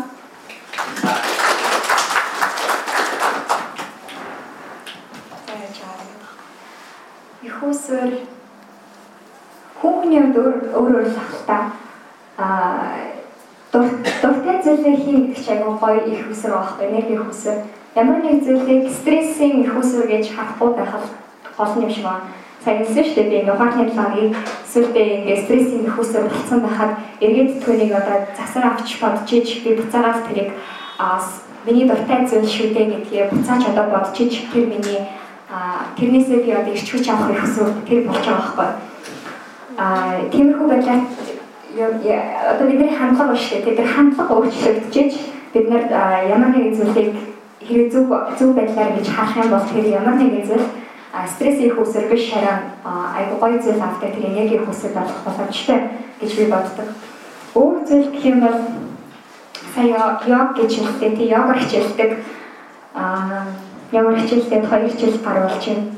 Тэгээд тэр болохоор зэрэг хамгийн гол нь юу юм бэ гэхээр зэрэг өөртөө ярих цаг агайх гарах хэрэгтэй. Юу хүсэж байна гэдгийг гэдгээ өөртөө ярих хэрэгтэй. Бид нар болохоор агайх яардаг ямар нэгэн зүйл рүү ингээ байнгын ярилцтай байдаг. Тийм болохоор зэрэг өөртөө тодорхой хэмжээнд ярьдаггүй. Бусад хүмүүстэй ярьдаг. Social network дээр бас 9 шидийн зүйл таслах тавтай байдаг. Гэхдээ тэр нар яг бидний дотроос гарч ийнө хэрэг зарим үед гараагүй байдаг. Тэгээ зарим үед өөртөө бид юм постлчдаг. Яг харахаар зэрэг тэр биш байдаг. Тэгэхээр энергийн өхөөсөр бол миний хувьд бол яг дуртай зүйлээс гарч ирдэг. Тэгээд энергийн их үүсвэрийг гаргаж байгаа зарим нэг зүйл нь болохоор зэрэг стрессийг бууруулдаг тэр зүйлүүд бас энерги үүсвэр байж болно. Аа жишээлбэл би нөө дуулах дуртай. Тэгээд тэр нь болохоор дуулах одоо тэрийг одоо би өргөжлүүлээд нэг амар карьер мэрэх хөвөө явахгүй ч гэсэндээ тэр нэг миний сонирхдаг зүйл байгаа байхгүй? Тэгээд тэр сонирхдаг зүйлээ хийхээрээ зэрэг тэр стресс нь ингээ буурчиж байгаа болохоор зэрэг тэр мэдээж хэрэг одоо зүгээр дуул зүгээр ингээ намайг ингээ амар ас шавдаг байхад дуулах юм бол би амар тэгэл энерги минералтай болох байхгүй шүү дээ хүчтэй болохгүй байхгүй. Тэгсэн мөртлөө тэр зүйлийг стресстэй үед ингээ хийх юм бол аюугаа таашраад тэгээд илүү их одоо урам зоригтой болж эхэлдэг. Аа тэгэхээр зэрэг ийм хоёр зүйл байна. Өөр өөртөө сайн дотоод чи яг юу хүсэж байна чи яг юуны төлөө амьдраад байгаа гэдгээс ухамсарлах хэрэгтэй. Тэгэж өөртөө байнга сануулж байгаа хэрэгтэй. Яагаад одоо хийж байгаа зүйлийг би хийдэг үлээ. Түүнийг тэр чинь бас өөрчлөгдөж болно шүү дээ. Одоо ингээд дуртайг бодож байгаа зүйл чинь дургу болох амар их магадaltaй байдаг. Аа би хэлчихсэндээ би ингээд хах сургуультай физикээр сурах гэж боддог байсан. Одоо бодоход тэр хичээсэн юм уу тий. Физиктэй айгүйх дуртай гэж физикээр л яа гэж явах боддог байсан. Тэг чи хаал би түүнээс илүү хүн зүйтэй зүйлийг олж хараад одоо тэрүүгээр сураа юм чинь. Аа тэгэхээр зэрэг иймэрхүү том том боломжууд руу тий нээлттэй хандах хэрэгтэй та бүхэн. чадахгүй гэж одоо оролдож орхиж болохгүй шин зөв байнга нээлттэй байх хэрэгтэй. Тэгээд хүний одоо потенциал хязгаар байдаггүй гэдэг шиг тэр боломжууд энерги хөөсрөөд бол хязгаар байхгүй хэрвээ та нар хүсэж байгаа зүйл болох юм чинь ганц зүйл биш байхгүй нэлээд олон зүйлүүд байна. Тэгэхээр тэр болгонд бид нар аа чихэн нүдээ бүлтгэлж хэдэлдэлгээд тэгээ сайхан хамгийн гол нь ямар ч айдсгүй оролцож үзэх хэрэгтэй.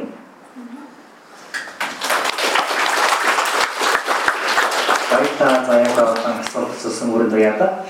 Зя дараагийн асуултыг юу асууж шээ. Тэгээд тэрний дараа аа дахиад шагналтай асуулт асууж байна. За тий миний асуух гэдэг асуулт нь яг маш их асуулт. Хэрхэн эхлэх вэ? Одоо энд ингээд сошиал медиаар контент хийхийг хүсэж байгаа маш олон залуучууд байна тий гараа сая үргэлж. Тэрийн залуучууд хамгийн одоо чухал зөвлөгөөр багт энэ хэрхэн эхлэх вэ? За би энэ гэж бодож байна. Тэстэ мэдхгүй. Хэрхэн эхлэх вэ?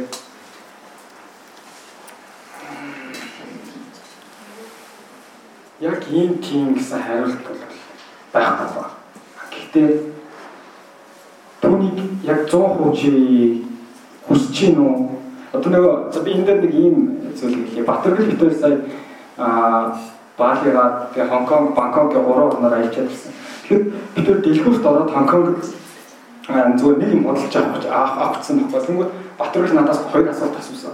Танаа чам энэ үнэхээр хэрэгтэй юм шиг надаас. Эхлээд хүсэж гин гэж асууж би хүсэж штэ гоё юм. Тэгвэл энэ чам зайлшгүй шаардлагатай юу? Өнөө маргаашгүй авах хэрэгтэй юу гэж асуусан. Тэнгүүд гүү гэж хариулж байгаа. Тэнгүүд тэр надад авах шаардлага. А үүнтэй адилхан хийх гээд ихрүүлэх гэж байгаа зүйлээ үнэхээр хүсэж гэнэ гэж өөрөөсөө асуусан. Тийм ээ хүсэж гэнэ. Тэгвэл энэ үнэхээр хэрэгтэй юу надад? Өнөө маргаашгүй хийх шаардлагатай болоод тулгдсан тулцсан болохоор би үүнийг хийх гээд байна гэж өөрөөсөө асуугаад.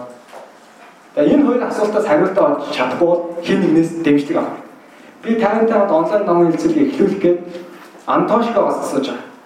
За энэ номыг таалагдлаа. Би ингээд лайв хийх гэсэн юм аа. Тухайн чинь нөгөө лайв дөнгөж ингээд фэйсбүүкэд оруулсан. За наад лайв хийх юм бол за энэ тайнаар лайв хийх дутажтэй гэж хэр нэг хүлээж авах гэж айц бохгүй.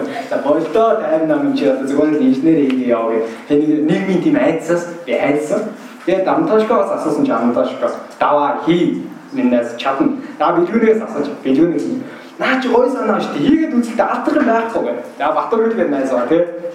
Батөргөлөөс асуусан чи окей. Тэгээ энэ олон хүмүүсийн нөгөө дэмжлэгтэйгээр би ихлүүлж байгаа байхгүй. Тэгээ нөгөө хоёр асуултанд хариулж чадаагүй. Хэрвээ энэ гурав нэг нь яах юм бэ даа. Тэгээд хэлсэн болоо би ихэхгүй ярина шүү. Тэгээ айдсаа яаж чадахгүй. Тэгэхээр энэ хоёр асуултыг асуугаа болохгүй бол гурав дахь чиглэлээс дэмжлэг авах хэрэгтэй. Тэгжээж л ихлүүлнэ бусдаар өөрөө бол бас хэцүү гэдэг юм аа. Ийцэндээ эхлүүлгээр ингээд зогтаал агаад байна. Тэгэл иймэрхүү л байна да мэдхгүй бусдаар.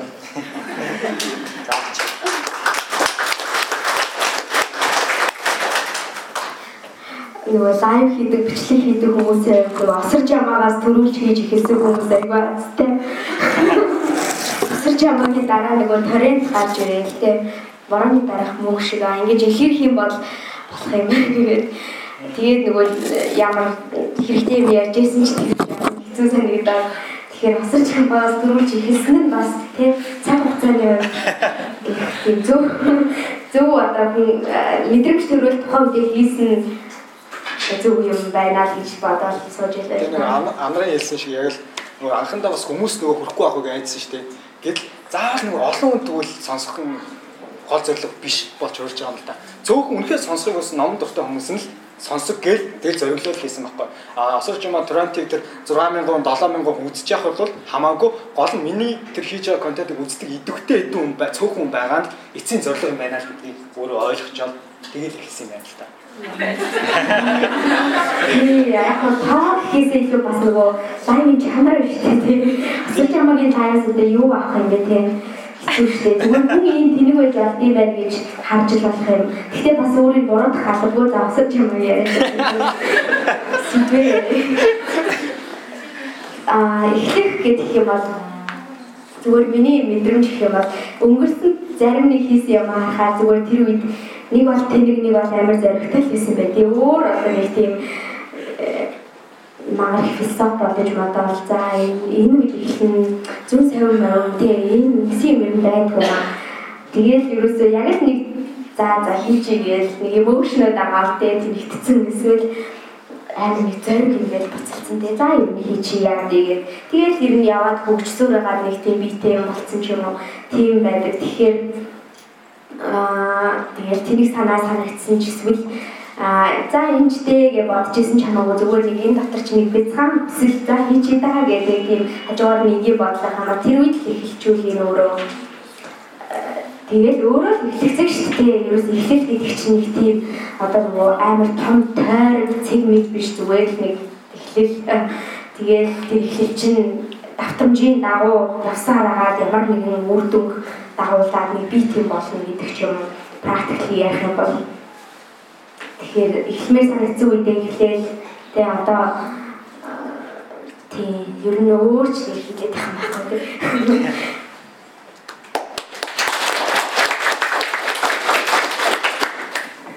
За хамгийн түрүүнд яагаад эхлэж байгаагаа аюул сайн бодоорой. Яагаад гэхээр зарим нэг хүмүүс болохоор зэрэг зүгээр аюул олон дагагчтай болох ч юм. Тэгээ бусдад танигддаг гэсэн үгнээс юм хийгээд байдаг хүмүүс аюул олон байдаг. Хийж байгаа учир шалтгаан чи хэрвээ зүгээр бусад одоо нэр хүндийн төлөө танигдах танигдахын төлөө зөвхөн одоо өөрийгөө батлахын төлөө хүмүүст юу хийж чаддгаа харуулахын төлөө хэрвээ эхлэх юм бол та өөрөө одоо стрессэнд унаад уух а уух чашаа зүгээр стресс нь тэгэхээр зэрэг хамгийн нэгдүгээр тэр чинь ямар нэгэн байдлаар та тэрийг хийхээс ямар нэгэн тийм том шалтгаантай байх хэрэгтэй. а бусад хүмүүст энийг хөргөх нь ямар ач тустай юм?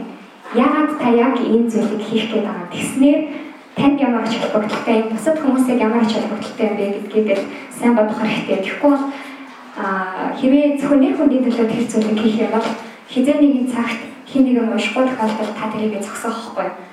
Анхны чинь шалтгаан хэвээ нэр хүнд л бол ямар нэгэн байдлаар дагагч шин та унахад та сэтгэлээр унаад өгнө гэсэн. Тэгэхээр тиймэрхүү юмнууд угаасаа амар олон тохиолдно. Тэгээд а ухаалын планет блогийн ингээд подкаст болгоод блогоор хослуулаад явж байгаа хүртэл явж байгаа хүртэл одоо миний таньдаг тийм найз найз биш одоо танилцахгүй Instagram дээр яг яг нэг юм биччихсэн аахгүй тэр нь юу гэхээр одоо өнөө үед юу гэх өнөө үед чи подкаст блог бичдэггүй хүн ч одоо байхаа болчтой гэж бичсэн аахгүй тиймэрхүү мэтийн дайралтанд амар өртөн тэгэхээр зэрэг хэрвээ яг гол учир шалтгаан тэрийг хийх гэж байгаа шалтгаан чинь таны хувьд үнцэнтэй зүйл биш ах юм бол түүнийг хийгээд хэрэггүй. Тэр таны хувьд тэрийг зүйлийг хийснээр та ямар нэгэн байдлаар сэтгэлийн ташаал авдаг. Тэгээд э, тэрэндээ өөрөө тэр сэтгэл хангалуун тэрийг хийснээр та аз жаргалтай болдог болдгүй нэг хий. Тэр нь нэр хүнд биш байх хэвээр.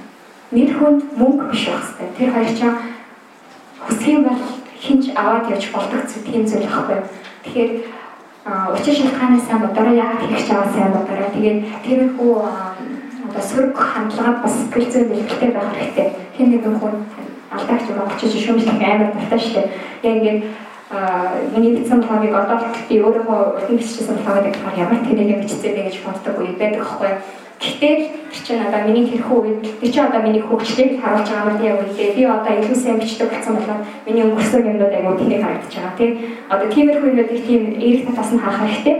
Чи илүү сайн нэг бичдэг болсон болохоор зэрэг тэр өнгөрсөн хийжсэн зүйлүүд чи амар тэнэг харагдаад байгаа юм байна ч гэх юм одоо эрэг хандлагыг өөртөө агуулсан шингээж авах хэрэгтэй чинь түрүү хэлсэн шиг аяа нүцгэн юм шиг санагддаг яг үнэн бохгүй яг дотор баада бодож чаддаг байсан тэр нарийн надад хичнээн тэр чинь одоо өөрийн чинь мэдрэмжтэй холбоотой биш ч гэсэндээ таны дотроос гарч байгаа болохоор зэрэг тэрий чинь тэрлүү чинь үнцэндээ учраас түүнийг гаргаж байгаа байтал хүмүүс тэрлүү чинь байхад амар хүчтэй зохиогддог байхгүй тэгэхээр тийм юмд айгу сэтгэл зүйн бэлтгэлтэй байх хэрэгтэй.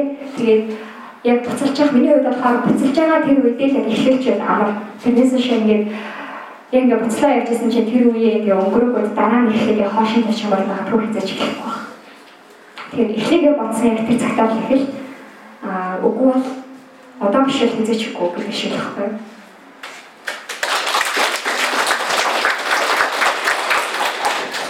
За одоо би та бүхнээсээ асуулт сонгож авам. А тэр асуултанд түрүүнийхээ адилхан юу яах юм байгаа шүү. Аа асуулт асуугаад хариулсан хүн нь асуулт асуух хэрэгтэй болоод намайг очно. За энэ асуултыг ийм асуусаа гэж хандсан. Тайнаа хоёр хамтдаа нөгөө подкаст хийдэг. Тэгээд бид хоёрын хамгийн анх Facebook дээр хамтдаа нэг нь Америкаас нэг нь Монголоос нэг номыг сонгож хилцсэн байдаг. Тэр ном нь ямар ном байсан бэ? За тэр бодсанчтай. Джек Магийн амжилтыг авсан. Окей. За. Ха. Өндөр бүтэмжтэй үнэ талбай. Окей. За. Хүнээ. Окей. Танай тэр хамтдаа ирсэн. Тэнд тэндээс мөнгө томлоо. Биш ээ. Танай тэр хамтдаа хийсэн анхны байгаа шүү. За тэр бүрэн дээр сууж байгаа. Аа. Аа, окей. 2016 оны сүүлд хийсэн байгаа. За дахиад гараа өдөр болж байгаа. Тэгэхээр ингээд. За за. First-ed and third-ed. Окей. За яа ч за тэгээд юм? За за. Дэлхийг захирч буй 30 гэж байна. За, яаж асуулт байгаа зү?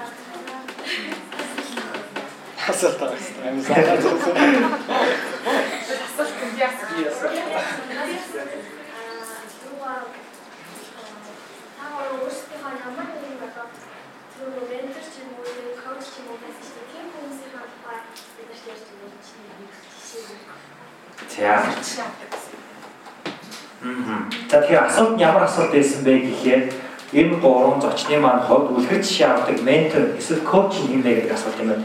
Тэгэхээр энэ бол хамгийн сүүлийн ер нь асуулт байгаа.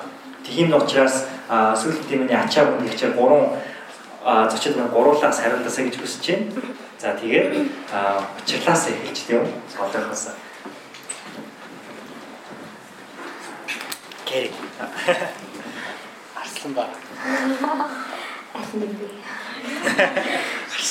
За ментор коуч гэх юм бол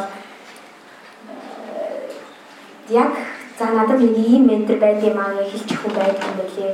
Ер нь сүүлийн үед бодоод ирсэн бас би хүмүүсээс үлгэр дуурайл аваад хүмүүс ингээ мотивацжуулаад эсвэл хүмүүсийн алдаанаас ингээ суралцаа явж байхдаа надад ингээд нэг ментор байдаг билүү гэж бодсон чинь яг энэ хүн миний ментор шүү гэдэг сартаа уулздаг тийм хүн байдаг юм билээ. Тэгээ бай байлгыг гэж бодоход бас яаж яг менторлуулах уу гэж өчрө олохгүй л байгаа л та. А гэхдээ ингээд менторинг өөрийнх нь нөгөө үндсэн ойлголт нь болохоор тухайн хүнээр ингээд өөрийнхөө бүх байдлыг илүүлэх шүү дээ. За чиний ажлын одоо юу чинь юм явж шүү. Чиний хөв хүний хөгжил чинь юм явж гин. Чи энэ үед ийм шийдвэр гаргавал зүгээр юм шүү гэдэг зөвлөлддөг ч юм уу. Тийм хүн байдаг юм байлээ. Тэгээд одоохондоо тийм хүн байхгүй ч гэсэн манай босс манай одоо захирал болохоор айгүй мундаг хүн байдаг. Окоди гээд тэр хүнтэй ярилцах тоолонд уулзах тоолонд тэгээд айгүй яг яг л ментал болсон юм шиг яриа авдаг за хинж үзэн, гоё хэлж үзэн тэ өөрийнхөө зүгээр алдсан юм болгоныг надад яг нэг хүүхдэд хэлж байгаа юм шиг хэлж өгдөг. Хамгийн сүүлд подкаст дээр ч гэсэн ярьж байсан тэр үгийг би юусаа мартдаггүй. Чадлаа юу гэж би хүмүүс зорьсон л бол мөрөөдсөн л бол тэрэндээ хүрдэг. Би одоо 34 настай. Гэхдээ би одоо юу гэж боддог вэ гэхээр би том зорилго тавьдаг байж л гэж бодож байна. Би тавьсан зорилгоудаа хүрсэн гэж хэлэхэд нь би яана гэж бодож байгаа юм чинь. Одоо яг том зорилго яаж тавина гэх тээ нэг ганц цаг паниктж бодож мадаа нөгөө жоохон бас стресстэй үе мууяасан болохоор олон зүйл бодогдуулаад гих мэдчлэгээ ярилцж байгаа хүмүүсээсээ гоё өөрт хэрэгтэй юм авдаг. Дээрэс нь хизээч уулзаж чадахгүй ч гэсэн нөгөө яриаг нь ингээ байнга сонсдог, фолловддаг хүмүүс байна шүү дээ. Аа би болохоор тийм хиний бэлгүүний хийсэн Team Ferris-ийн подкастыг сүүлээ 3 жил сонсож байгаа. Тэр залуу өөрөө бизнесмен гэсэн хэрнээ юу ярьдаг вэ гэхээр аялал, спорт, эрүүл мэнд медитейшн гэх бүх зүйлийг ярьдаг. Өөрөө амар солиотой юм шиг олон юм туршдаг. Аюу солиотой залуу. Ер нь бол тийм нэгэд затарсан хүн тэгээд өөрийнх нь амьдралын одоо туршлага нь өөрөө тэр хүнийг ямар болгосон бэ гэхээр анх бүр бизнес нь фейл гэдэг 10 жилийн 10 хэдэн жилийн өмнө амиа орлох тухай бодож исэн. Эхнэр нь хайж яваад бүх юм нь фейлдээд тэгээд Terex дээр ийм ихтгэл тавьсан байсныг би анх олж үзээ. Тэгээ подкастыг олж исэн байхгүй юу? Хүн ерөөсөө айдсаасаа зугтаж ерөөсөө болохгүй тийм айдсаа бас нөгөө айцтайгаа нүг тулна гэдэг гэтэл цаана юу гэдэг вэ гэхээр тэр айц чинь юу вэ гэдгийг define хийх буюу айцаа тодорхойлох гэхлээр би юунаас яагаад вэ? Энэний гарах үр дүн нь юу болоод би яагаад вэ? Тэгвэл би яаж хийх вэ гэсэн гурван слайд хувааж ярьжсэн. Тэрийг би юусоо мартахгүй 3 жилийн өмнө сонсоод тэгээд Tim Ferriss яриануудыг өмнө сонсохоор аз жаргал, peace, амжилт, career хүний юусоо тэр болгон номноос хүмүүсээс кино киноос аваад идэггүй юмнуудыг маш өөрийнхөө ярьдаг болохоор Tim Ferriss-ийг би бол миний онлайн ментор хийж хэлнэ. Хийсвэр хийсвэр ментор гэж хэлнэ. Тэгээд хэрвээ уулзах цагшаа гарах юм бол би Tim Ferriss-тэй уулзсан гэж боддог. Тэгээд өөр бас өдөө олон хүмүүсээр гол нь тэгээд миний өөрийнхөө авахыг хүсэж байгаа юмыг өгж байгаа тэр хүмүүс миний хувьд сонсохыг хүсэж байгаа зүйлийг магадгүй сонсч чадахгүй байгаа зүйлийг хэлж байгаа хүмүүсийг миний ментор гэж боддог. Тэгэхээр бас жоохон ирэл хагуул хийх хэрэгтэй юм шиг байгаа. Заримдаа азар одоо би жишээлбэл тийм ферисийг азар болж авсан байхгүй юу. Тэгэхээр азар болж авах нь ирэл хагуул хийх яа зүрийн сууг байдаг баг. гэж бодож байна.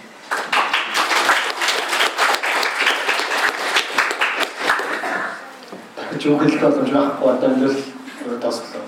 Яг дараа нугаас networking event байгаа шүү. Тэгэхээр илүү чөлөөтэй байж байгаа. Аа миний хувьд болохоор коуч маань яг тинто группийн хүрээнд явагддаг тим коуч аа. Яг ажлын хувьд илүү зөвлөгөө тим хөөний үжиг талын баг. Аа хөөний үжил ментор тал дээр бол тийм хүн бол байдгүй. Гэхдээ аа миний хамгийн анхны төвд ментор гэх юм уу гэж сэтэлжүүлсэн зүйл бол тэр номон дээр гардаг хүмүүс байсан шүү. 7 дугаар ангид миний их агуу хүмүүсийн эгэл бус хууль заяа гэдэг Дэл Карнеги ном ба сүүлд хацгуур ороход 5000 таа 14000 таасан. Тэр номыг надад бэлгэжсэн. Борон гэх улаан дом гэх. Тэгээд тэр номон дээр болохоор одоо радио зохион бүтээсэн Марконы тэгээд ах トゥ айлт тэгээд тэр дэлхийн томоохон томоохон гоо бүтээн байгуулалтыг шинжилгээг одоо хусгалын үед хийсэн хүмүүсийн түүхийг өгүүлсэн байсан байна. Тэгээд тэр номыг би уншичаад тухайн 7 дугаар ангийн хүүхд ингээд яг дэлхийн ингээд нүдэнд нэгдэж байгаа юм шиг нэг чүүхэн гэсэн нэг тийм гоё ингээд сэтгэлгээ гоё задарч байсан. Тэгээ тэр үеэс л ном унших ингээд нэг ярих тогтойж болсон юм уу? Нэг тийм их ойр болсон. Тэр ном дээр гардаг хүмүүс бол одоо ч надад л их гоё татна. Тэгэхээр номноос лайлуулах ирч хүчийг авах хүсдэг. Номон дээр л хүмүүсийг тэр хүмүүсийн амьдрал их гоё гэдэг. Яг бодит хүндрээс илүү тийм л байна да.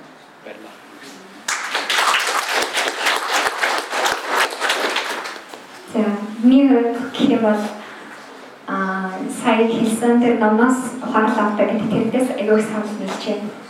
Аа бодит хүн гэхээс илүү мэдхгүй миний болохоор зэрэг ингээд ярьж байгаа хүнээс сонсож ухаарлахаас илүү тэгээ ингээд бичсэн юм шаар гоё байдаг байхгүй яагаад ч юм нэг арай л илүү бодсон юм шиг санагдаад байдаг. Тэгээд янз бүрийн фактор баяжилсан тийм түүх хөглсөн ч юм уу тийм арай нэг сэтгэлд арай илүү үлдээд байдаг аахгүй ингээд сонсохоор зэрэг ингээд түрүүний хэлсэн шиг тийм ингээд гэрэл мэрэл тоолох шиг анхаарал арай нэг өөр тийшээ ингээд сарних боломжийг илүү ихсээд байдаг аахгүй.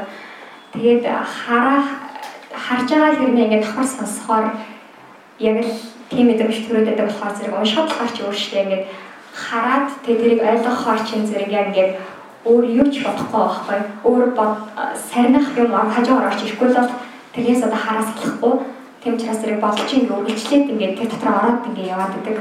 Тийм учраас зэрэг номноос ухаарал авах илүү дуртай.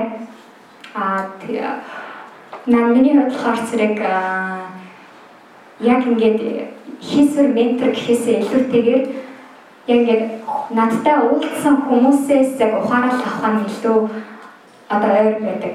Жишээлх юм бол манай багш л эмэгтэй хүн дээр багшийн талаар биччихсэн Элизабет Уит гэдэг багш байдаг байхгүй. А тэр багшийн одоо өөрийнх нь түүх тэр багшийн тэр багшийн зүгээр л одоо оюутнуудтайгаа харьцаж байгаа хандлага айгүй гүн сэтгэл төрүүлж исэн. Жишээлх юм бол тэр багш зүгээр л одоо PhD хамгаалсан хүн баггүй уул нь бол профессор хүн. Тэгсэн хэрнээ Монголоор бол одоо налчин болох шийдвэр гаргасан тийм хүн байгаа байхгүй Монголд бол тэгээ докторийн зэрэг хамгаалчаад навчин болох хүсэлтэй хүн байхгүй шүү дээ. Монголд ямар нэгэн байдлаар шалтгаангүйгээр дарга болох хүн хүсэлтэй хүмүүс аягүй олон байдаг.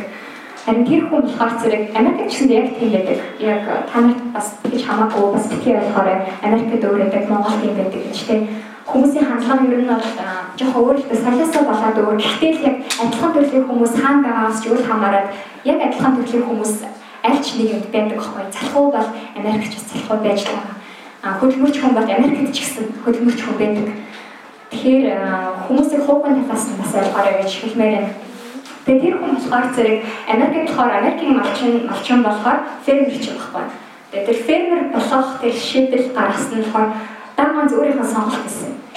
Тэгээд тэр сонголтондоо яагаад тэр сонголт хийсэн гэхээр зэрэг зүгээр л хоолны асуудал айгүйх байна гэдгийг тэр хүн олж харсан ба. Энэ хоол айгүйх тийм а янз бүрийн тэр нөгөө шавчны хор а тэгээ ургуулханд ажилласан ч гэдэг бид химэл химийн бенз нэмж хийдэг штеп харилцууд гэж байдаг ургамал хэрэгтэй хурдан ургах тэр бардам гэдэг амар их нэмжгээ тэр ирээд хүний бэдэг уу хортой. Өшингөө гаднаас амар гоё харагддаг тийм бүтээгдэхүүнүүд айгүй хөтөлбөрлөгдөж ингээд тэр хүмүүсийг эрүүл хоол хүмүүсээр хангамаар байна гэж одоо тэр асуудлыг шийдэхэд төлөвлөлт тэмцэж байгаа хүн баггүй. Тэгээд түүнд хамгийн их тэрийг яаж тэр зорилгодоо хамгийн хурдан хүрэх вэ гэхээр зэрэг хамгийн олон хүнд хүрэхтэй боломжийг өөрөө фермер болох гэсэн. Тийм учраас өөрөө фермер болох шийдвэр гаргаад а тастаа нөгөө Вашингтон ч одоо нөгөө далайн хажууд байгаа шүү дээ. Далайгаас тастаа байдаг арал дээр өөрөө 10 га газар худалдаж аваад тэгээд тэрэндээ ингээд ферм одоо фермерчин болсон байхгүй. Тэгээ хинч тийм шийдвэр гаргахыг хүсээгүй байхад тийм зоригтой шийдвэр гаргаж чадсан тийм эмгтэй нэгдүгээр чинь эмгтэй хүн шийдвэр гаргаж байгаа. Хоёрдугаар эцэг гэхээс айхгүй тийм том шийдвэрийг дан ганцаараа толгой мэдээж гаргасан тийм хүн. Тэгээ гуравдугаар тэр хүн чинь эмгтэй Аа тэгээд юу баггүй юу? Лесби хүн баггүй юу? Тийм болохоор зэрэг эхнэр ахасаа бүхтэл хүмүүсээс хичээгүй тэр өөрийнхөө аз жаргалын төлөө нийгмийн сайн сайхан байхын төлөө тийм шийдвэр гаргаж чадсан тийм хүн тэгээд би тэр хүнийг аягүй хөшөрсөн. Уулзсныхаа дараа хамгийн дуртай профессор. Гэх мэтчлэн амьдрал дээр ерөөсөө ингээд бусдад танигдаагүй мөртлөө олон нийтийн сүлжээ нэг ил харагдсан мөртлөө тийм мундаг зүйлүүдийг хийгээ явж байгаа асар олон хүмүүс байдаг. Бид нэр зүгээр л тэр хүмүүсийг хардгуу болохоос биш. Бид нэр эргэн тойрондоо байж байгаа. Тэгэхээр эргэн тойрныхоо хүмүүсээс тэр ухаарлыг би олж явахтай илүү дуртай байдаг. Гэвэл тэр хүмүүс ядчил үнэн байдаг байхгүй. Олон нийтийн сүлжээгээр хүмүүс одоо би түрүү хэлсэн шүү дээ зүгээр карьер хөөхөд бол бодлоотлаа гэдэг хүмүүс үлдээдэг. Тэгээд тэр хүмүүсийн гаргаж байгаа тэр мэдээлэлд би тэгтээ бас би эргэлцдэг итгэмжтэй ер нь бол 90% тал итгэн. Гэтэ цаана ямар нэгэн байдлаар энэ хүн ямар нэгэн хачир нэмээд ирж байгааг бол үсэх байхгүй. Харин тэр хүн амьдралаараа би хажууд яг тийм юм хийгээд ирж байгаа хүнийг харахаар зэрэг ингээд одоо мөших сэтгэл төрөлдөг байхгүй юу? Ингээд дотор аюул тийм тийм хүн ингэж болт юм байна, ямар гахалтай юм бэ гэдэг зүйлийг хамгийн их анхаарч авдаг. Манай аав хөтөлтэй шүү дээ, тийм. Насаараа түүх чигээ явж байгаа юм хөө. Тэгэл хэдийгээр тэр нь ингээд асар ихтэй өөр одоо мөнгө олох зөндөө олон боломж байсан байтал одоо тэр тэр түүхийг одоо сонгож явал тэрэндээ насаараа бүх насаа тэр түүнд одоо зарцуулсан юм хүн байгаа. Хажууд ийм хүмүүс яад хаар царай яах чаргагүй тэгээд хүн юм байж болох юм байна гэдэг одоо ухаарлаа шууд ингээд хүссэн хүсээгүй толгойд одоо ингээд буудаг гэх юм тийм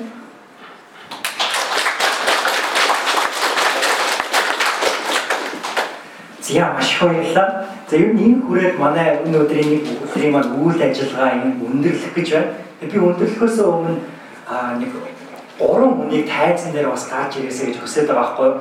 Юуны түрүүнд би яг энэ гурван хүндэт зочиндоо ээжийнхаа бичсэн Монголын нүүдэлчний иргэнш соёл, уран сайхны соёл гэдэг энэ ном байгаа. Тэгээд ээж маань өөрөө хоёр докторийн зэрэг хамгаалж ирсэн доктор хүн байдаг. Тэгээ би бас ээж маань нэгэн тэн хүрээд ирсэн чинь энэ бэлгээ номоо манай буран зочид өөрөө гараар болсон.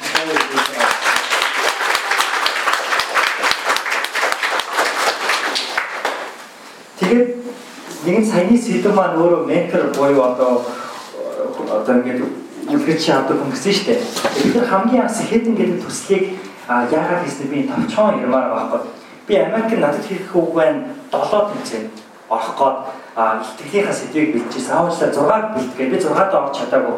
Гэтэ би 6-д бэлтгэх гээд ямар сэдвээр орох вэ гэж аюух бодож исэн. Тэгээ би ээжийнхаа бодит төмд номын түргээд номыг уншиж исэн. Энэ номон дээр 20 дугаар зуунд ер нь бид нар маш их юм салангат диалектик үзэл буюу манай тал, чиний тал, манай нам, танай нам, миний сум, чиний ном, чиний аймаг, миний аймаг гэдэг ийм үзэл бодол маш их 20 дугаар зуунд автсан юм байна. Гэтэл үүндээ бидний дорны соёл гэдэг чинь хамтдаа нэгэн нийтээрээ байж нэгдэж амьдардаг тийм ээ. Бид бүхнээс гарч байгаа мэдлэг, мэдээлэл энэ бүхэн нэг зүйлийн үнцэнтэй уус учмаа учраас энэ дээр үнцэн нь орчиж бид нар цаашаа хөгждөг юм байна гэдэг ойлголтыг нь оноос авч ирсэн. Тэр ч утгаараас хэдэн ирээд төслийг бол анх одоо тэр номоос сэтэл авч төрж ирсэн мөн.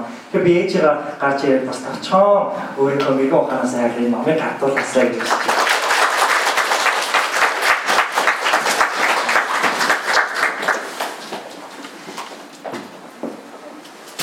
За ер нь энд зурсан залуучууд та бүхэндээ энэ сайхан өдрийн мэндийг хүргье.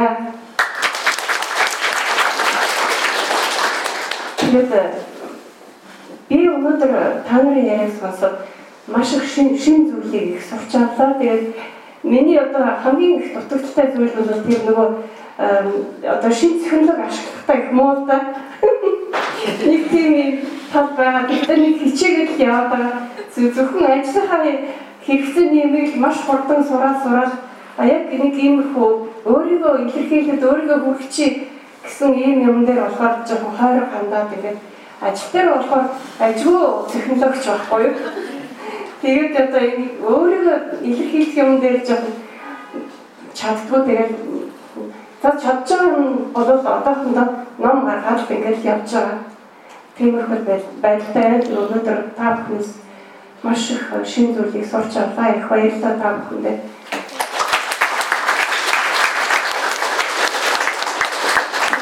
Би 1996 онд нэг хамгийн дэд доктор ажил хамгаалсан ба тэгээд энэ ном нь бол их жижигхэн одоо шрифтээр хэвлэгдчихсэн. Тэгээд энэ номны учир нь юу байсан бэ гэхээр нэг тийм гурван бүлэг диссертац бичсэн юм аа л да. Тэгээд эхний бүлэг нь болохоор нүүдэлчний иргэншил гэж юу вэ гэсэн асуултанд хариулсан. Хоёрдугаар бүлэгт нь нүүдэлчний соёл гэж юу юм гэсэн хоёр дахь бүлэг байсан. Тэгээд гурав дахь бүлэг нь нүүдэлчдийн урлаг буюу уран сайхны соёл нь ямар онцлогтой юм бэ гэсэн юм нэг юм гурван бүлэгтээ диссертац бичээд хамгаалж ирсэн. Тэгээд энийг ном болгоод хэвлүүлсэн байгаа. Өөр 10 5 6 жилийн дараа ном болгож хэвлүүлсэн. Тэгтээ яг ач агуулга ач холбогдол нь нэг хуучраагүй гэж би боддог. Тэгээд энэ ном бас ялангуяа гадаадд амьдарч байгаа хүмүүс одоо монголчууд тэр хол алсын газараас эх орноо ингэж харж байгаа хүмүүст их чухал байж болох юм а гэж ингэж бодож байна. Тэгээд энд хүрсэн ирж энд та бүхэнд өнөөдөр маш сайхан зүйлээ туршлагаас ярилцаж өгсөн энэ гурван залуудаа баяр хүргээд тэгээд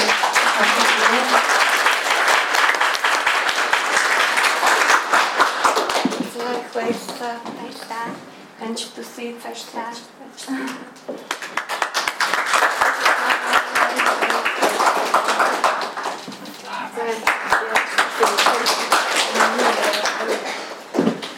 За ээжтэй маш их баярлалаа. Хайртай шүү. Би тэгээд 50 маань хэлдэгтэй. Би 13 онд 5 сарын 25-нд хамгийн сүүлийнхаа үг насны төрсөн өдрөөр ихтгэл тавьж исэн. Тэгээ бид тэр ихтгэл дээр шилдэг аргатаа үлдээд тэр нэг оюуны архив байсан аахгүй 400 гаруунаас шилдэг аргатаа үлдээд надад дараа шилдэг 3 тавах боломж байсан. Тэгээд би тэр ихтгэл дээр за ер нь сэдвийнхаа таваа ярих биш. Миний төрсөн өдөр юм чи ээжтэй баяр хүргэчихээ. Тэгээ ээжтэй төрсөн өдрийн минь хүргээд намайг төрсөн өдрийн минь хүргээд тэгээ бууж исэн юм удаатай. Тэгээ ээжтэй бас энэ тайз нэрс дахиад хайртай шүү гэж маш баяртай.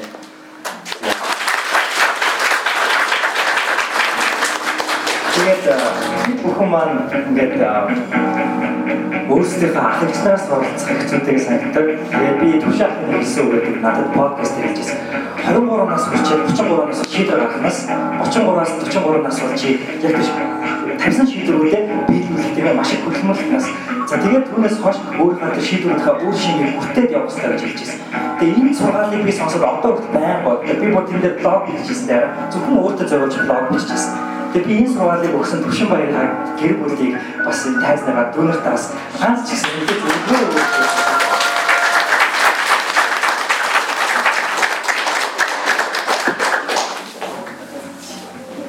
өчтөрхөн хормилсан шинхэн осоосоо маш сайхан зөвлөгөө авах гэдэг хэлээ. Тэгээ өчтөр би хормон дээр хамгийн анх удаа очиж манай зөвхөн маш их уйлсан те.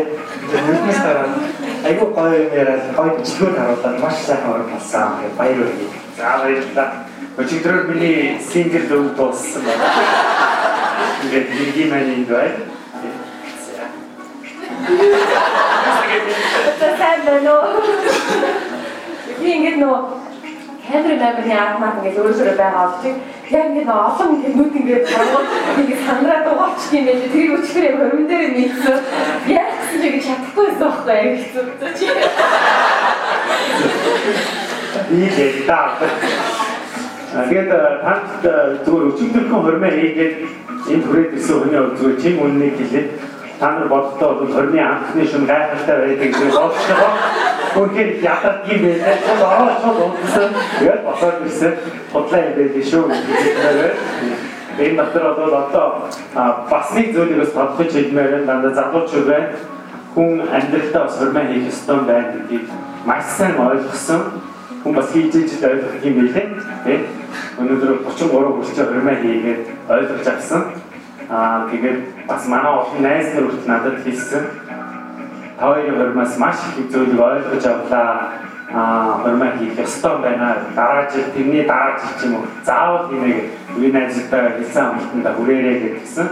Тэгээд дөнгөж өчигдөрхөн хөрмөө хийсэн хүний хувьд хэлэхэд та бүхэн хөрмөө заавал хийгээрээ хайртай хүний олоо заавал хөрмөө хийгээрээ дахин дахин хэлээрээ хэлээ.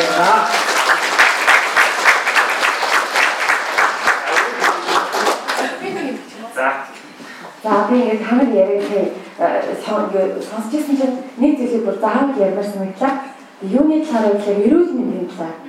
А өнөөдөр яг эрүүл мэндийн талаарх нэг сэдв ингэж яг нэмэлт чуу. Нэг ихнэг ярихгүй аяг болтой ярьчих. За миний аав болохоор 44 наснда илэгний цирроз өвчнөр үүд болж исэн. За манай хатам ээж маань болохоор за 54 наснда бас илэгний хол тавдаг хот хот биш бас эзний цирроз гэдэг ондошоо. За ерөөс нь Монголоос болоод ямар ч хэмжээгүй, ямар ч насгүй, асуултын үзүүлэлтээр 2 сарын настай хүн бол ингээд ямар хэмжээгүй болсон ингээд ийм хариу сонсч байсан. Тэгээд бид нар Шведэд очиад Шведэд хамгийн сүүлийн ингээд боломж нь үлдээд Шведэд бид нар энэглэлт орж ирсэн тийм баг яг шивэдэг эмнэлгийн шалан дээр ингээд хин шалан дээр онцдохгүй? Бид нэг Монгол замгаараа энэ чинь та нар хүн сахихгүй энэ солиушнаас цахин гэдэгт нь төвшөө ингээд зөрүүлсэн үгээ бийж хажууд байна ингээд шалан дээр ингээд нөө бүтээл хийдэгсэд онцчин сүүлдээ нөө солиушнаар ингээд бид хоёр өөртөө хоёр дүүр очих газар байхгүй тэгээ ингээд нөө Монгол хүмүүсийн чинь энэ хизээч эмнэлэгт орохгүй шүү дээ. Яг нөө Монгол замгаараа ээжийг ингээд айл болох ингээд бүх зүйлийг дуусан дууссан ингээд гүйсэн За тэгээ энэс энэчнээс юу ойлгож харсан бэ гэхээр хүний эрүүл мэнд маш чухал гэдэг юм байна гэдгийг маш ойлгосон. Тэгээд үгүй зүйлээ дам уу. За тэгээд би тэр амьдралдаа маш том нэг шийдвэр гаргасан. Тэр болохоор одоо нэг яг хагас жил гарсан болж байгаа тийм. Цагаан алтан бол яваа гэсэн шийдвэрийг гаргасан. Тэгээ одоо ингээд цагаан алтан болоод хагас жил гарan болж юм.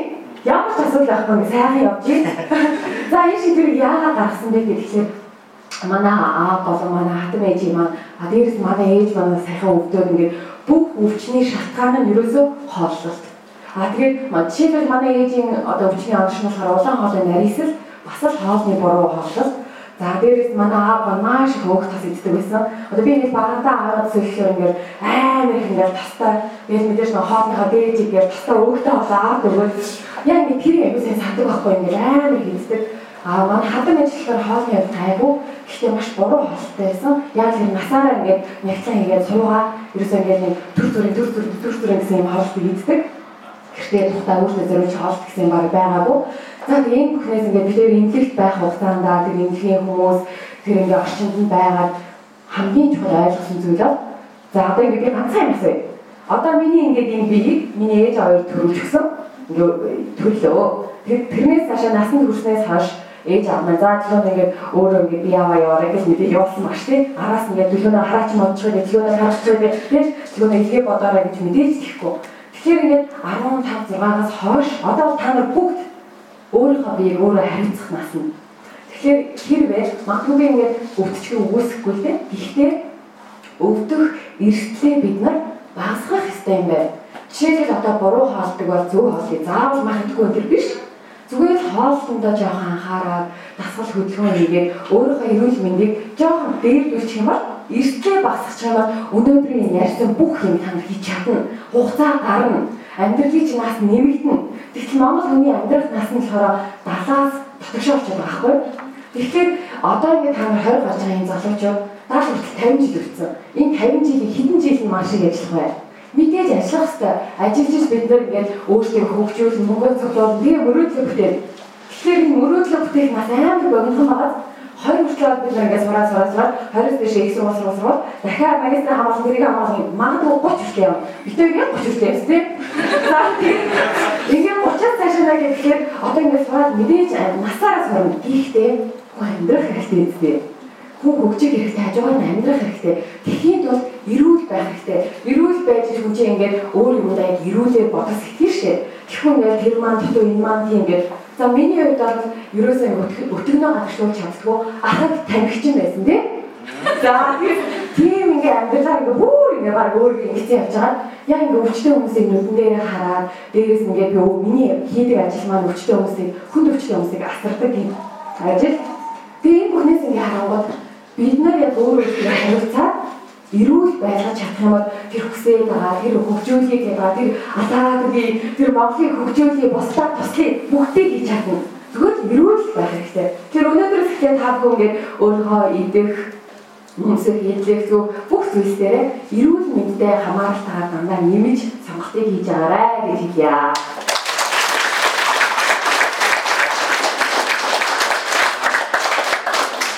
Дээр бас нэмээд газар ихөө юм гэхэд бид хоёр тэр ээжигийн эмнэлэгт харж байгаа тэр жилийн хугацаанд бол Монгол хүн Монгол хүүхэд гэдэг ямар байдаг вэ гэдгийг одоо маш нэр төрдөөр харуулсан.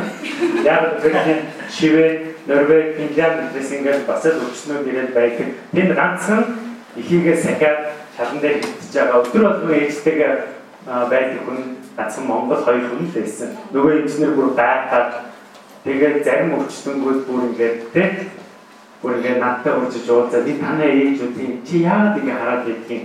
Миний ээж өвчтөй учраас. Аа тэгвэл чи яа хайж болдгийг? Би ээж хайж баймаар тэр нөгөө хүмүүс чинь миний хүү тэгдгүүгээл тэгээд ингээд цаашаа явдаг. Зөндөө олон улсууд хартаа ингээд юу яасан? А энэ бол манай Монголын эмгэлт бол хэвийн үйл явдал? Тийм үстэй а гадны нутаг Европын холбооны улсад бол энэ бол зүгээр л гайхамшиг. Байдгийн байлээ тэгэхээр манай Монгол энэ гоё зан чанар, энэ гоё юмаа та нар бас үргэлж хадгалж үр хөвгтүүдэд өвлүүлж яваараа. Энэ байдал гадны нутагт алдагдсан байдгийн биш шүү. Ихийгээ хайрлах, аав ээжигээ хүндлэх, асрах тэр бүх хөх юм ирж байгаа юм л да. Аав ээжигээ ингээд асрахад нэг жоохон байсан. А таны би сайн байсан. Эмчилгээ яаж явж байна? Оо гайгүй ингээд явж байна. За бас эмчилгээгээ сайн хийгээрээ энэс аваарай гэж бодоо. Тэдний хувьд бол энэ бол эргэл ээж аваагаа асар асарт нь энэ юм байлээ. А бидний хувьд бол ингээ яг ээлжтэйгээ адилхан өвдөл яг ээлжтэйгээ адилхан тэнд ингээ зовоод ингээ шалан дээр хэвтээ хэвтээгүй би яах вэ гэж ингээ явдгийн. Энэ гайхамшиг бол зөвхөн Монгол монголчууд ямар мундаг юм бэ? Монголын хаан гэдгийг мэддгүй тийм улсууд бас байдаг юм байлээ. Дэлхийн хаан гэдгийг асууж байгаа юм. А тэгээд а битэрээр дамжуулж Монгол гэдгийг мэдээд а Монгол аа биш хүүхдээ яаж хүмүүж үлдэн бэ гэдгийг бас мэдээд а дээрэс нь Монгол хүүхдүүд ямар мундаг юм бэ гэдгийг бас мэдэж авсан гэдгийг хэлмээр байна.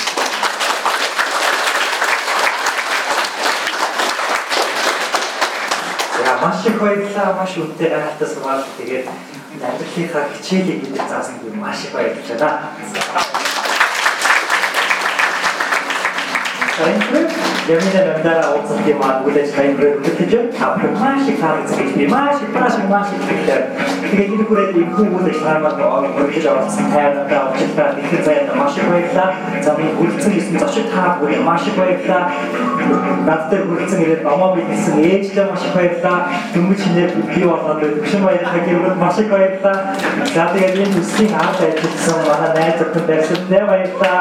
Тэгээд байгаа. Продюсер Маргад Игнэтэй баярлалаа.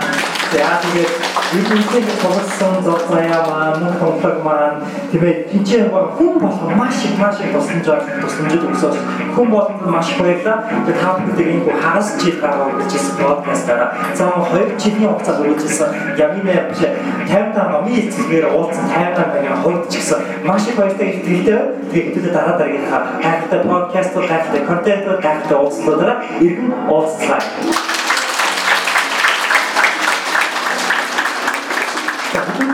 Ихэнх бүх хүмүүсээр нэг дурсгалын зураг авч идэх үү?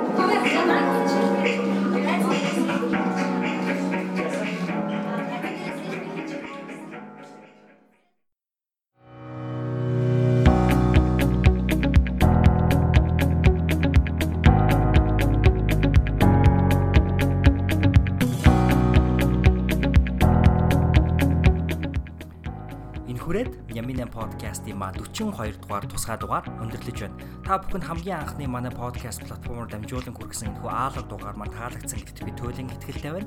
А мэдээч хэрэг бид бүхэн яг үйл ажиллагааныхаа үеэр зориулалтын бус микрофон ашиглан бичсэн учраас тодорхой хэмжээний дуу техникийн асуудал байсан гэдгийг бол одоо та бүхэнд тэр тэр тал дээр бол үнэхээр марахгүй тэр талаас уучлалтгүйхийг бас хүсэж байна.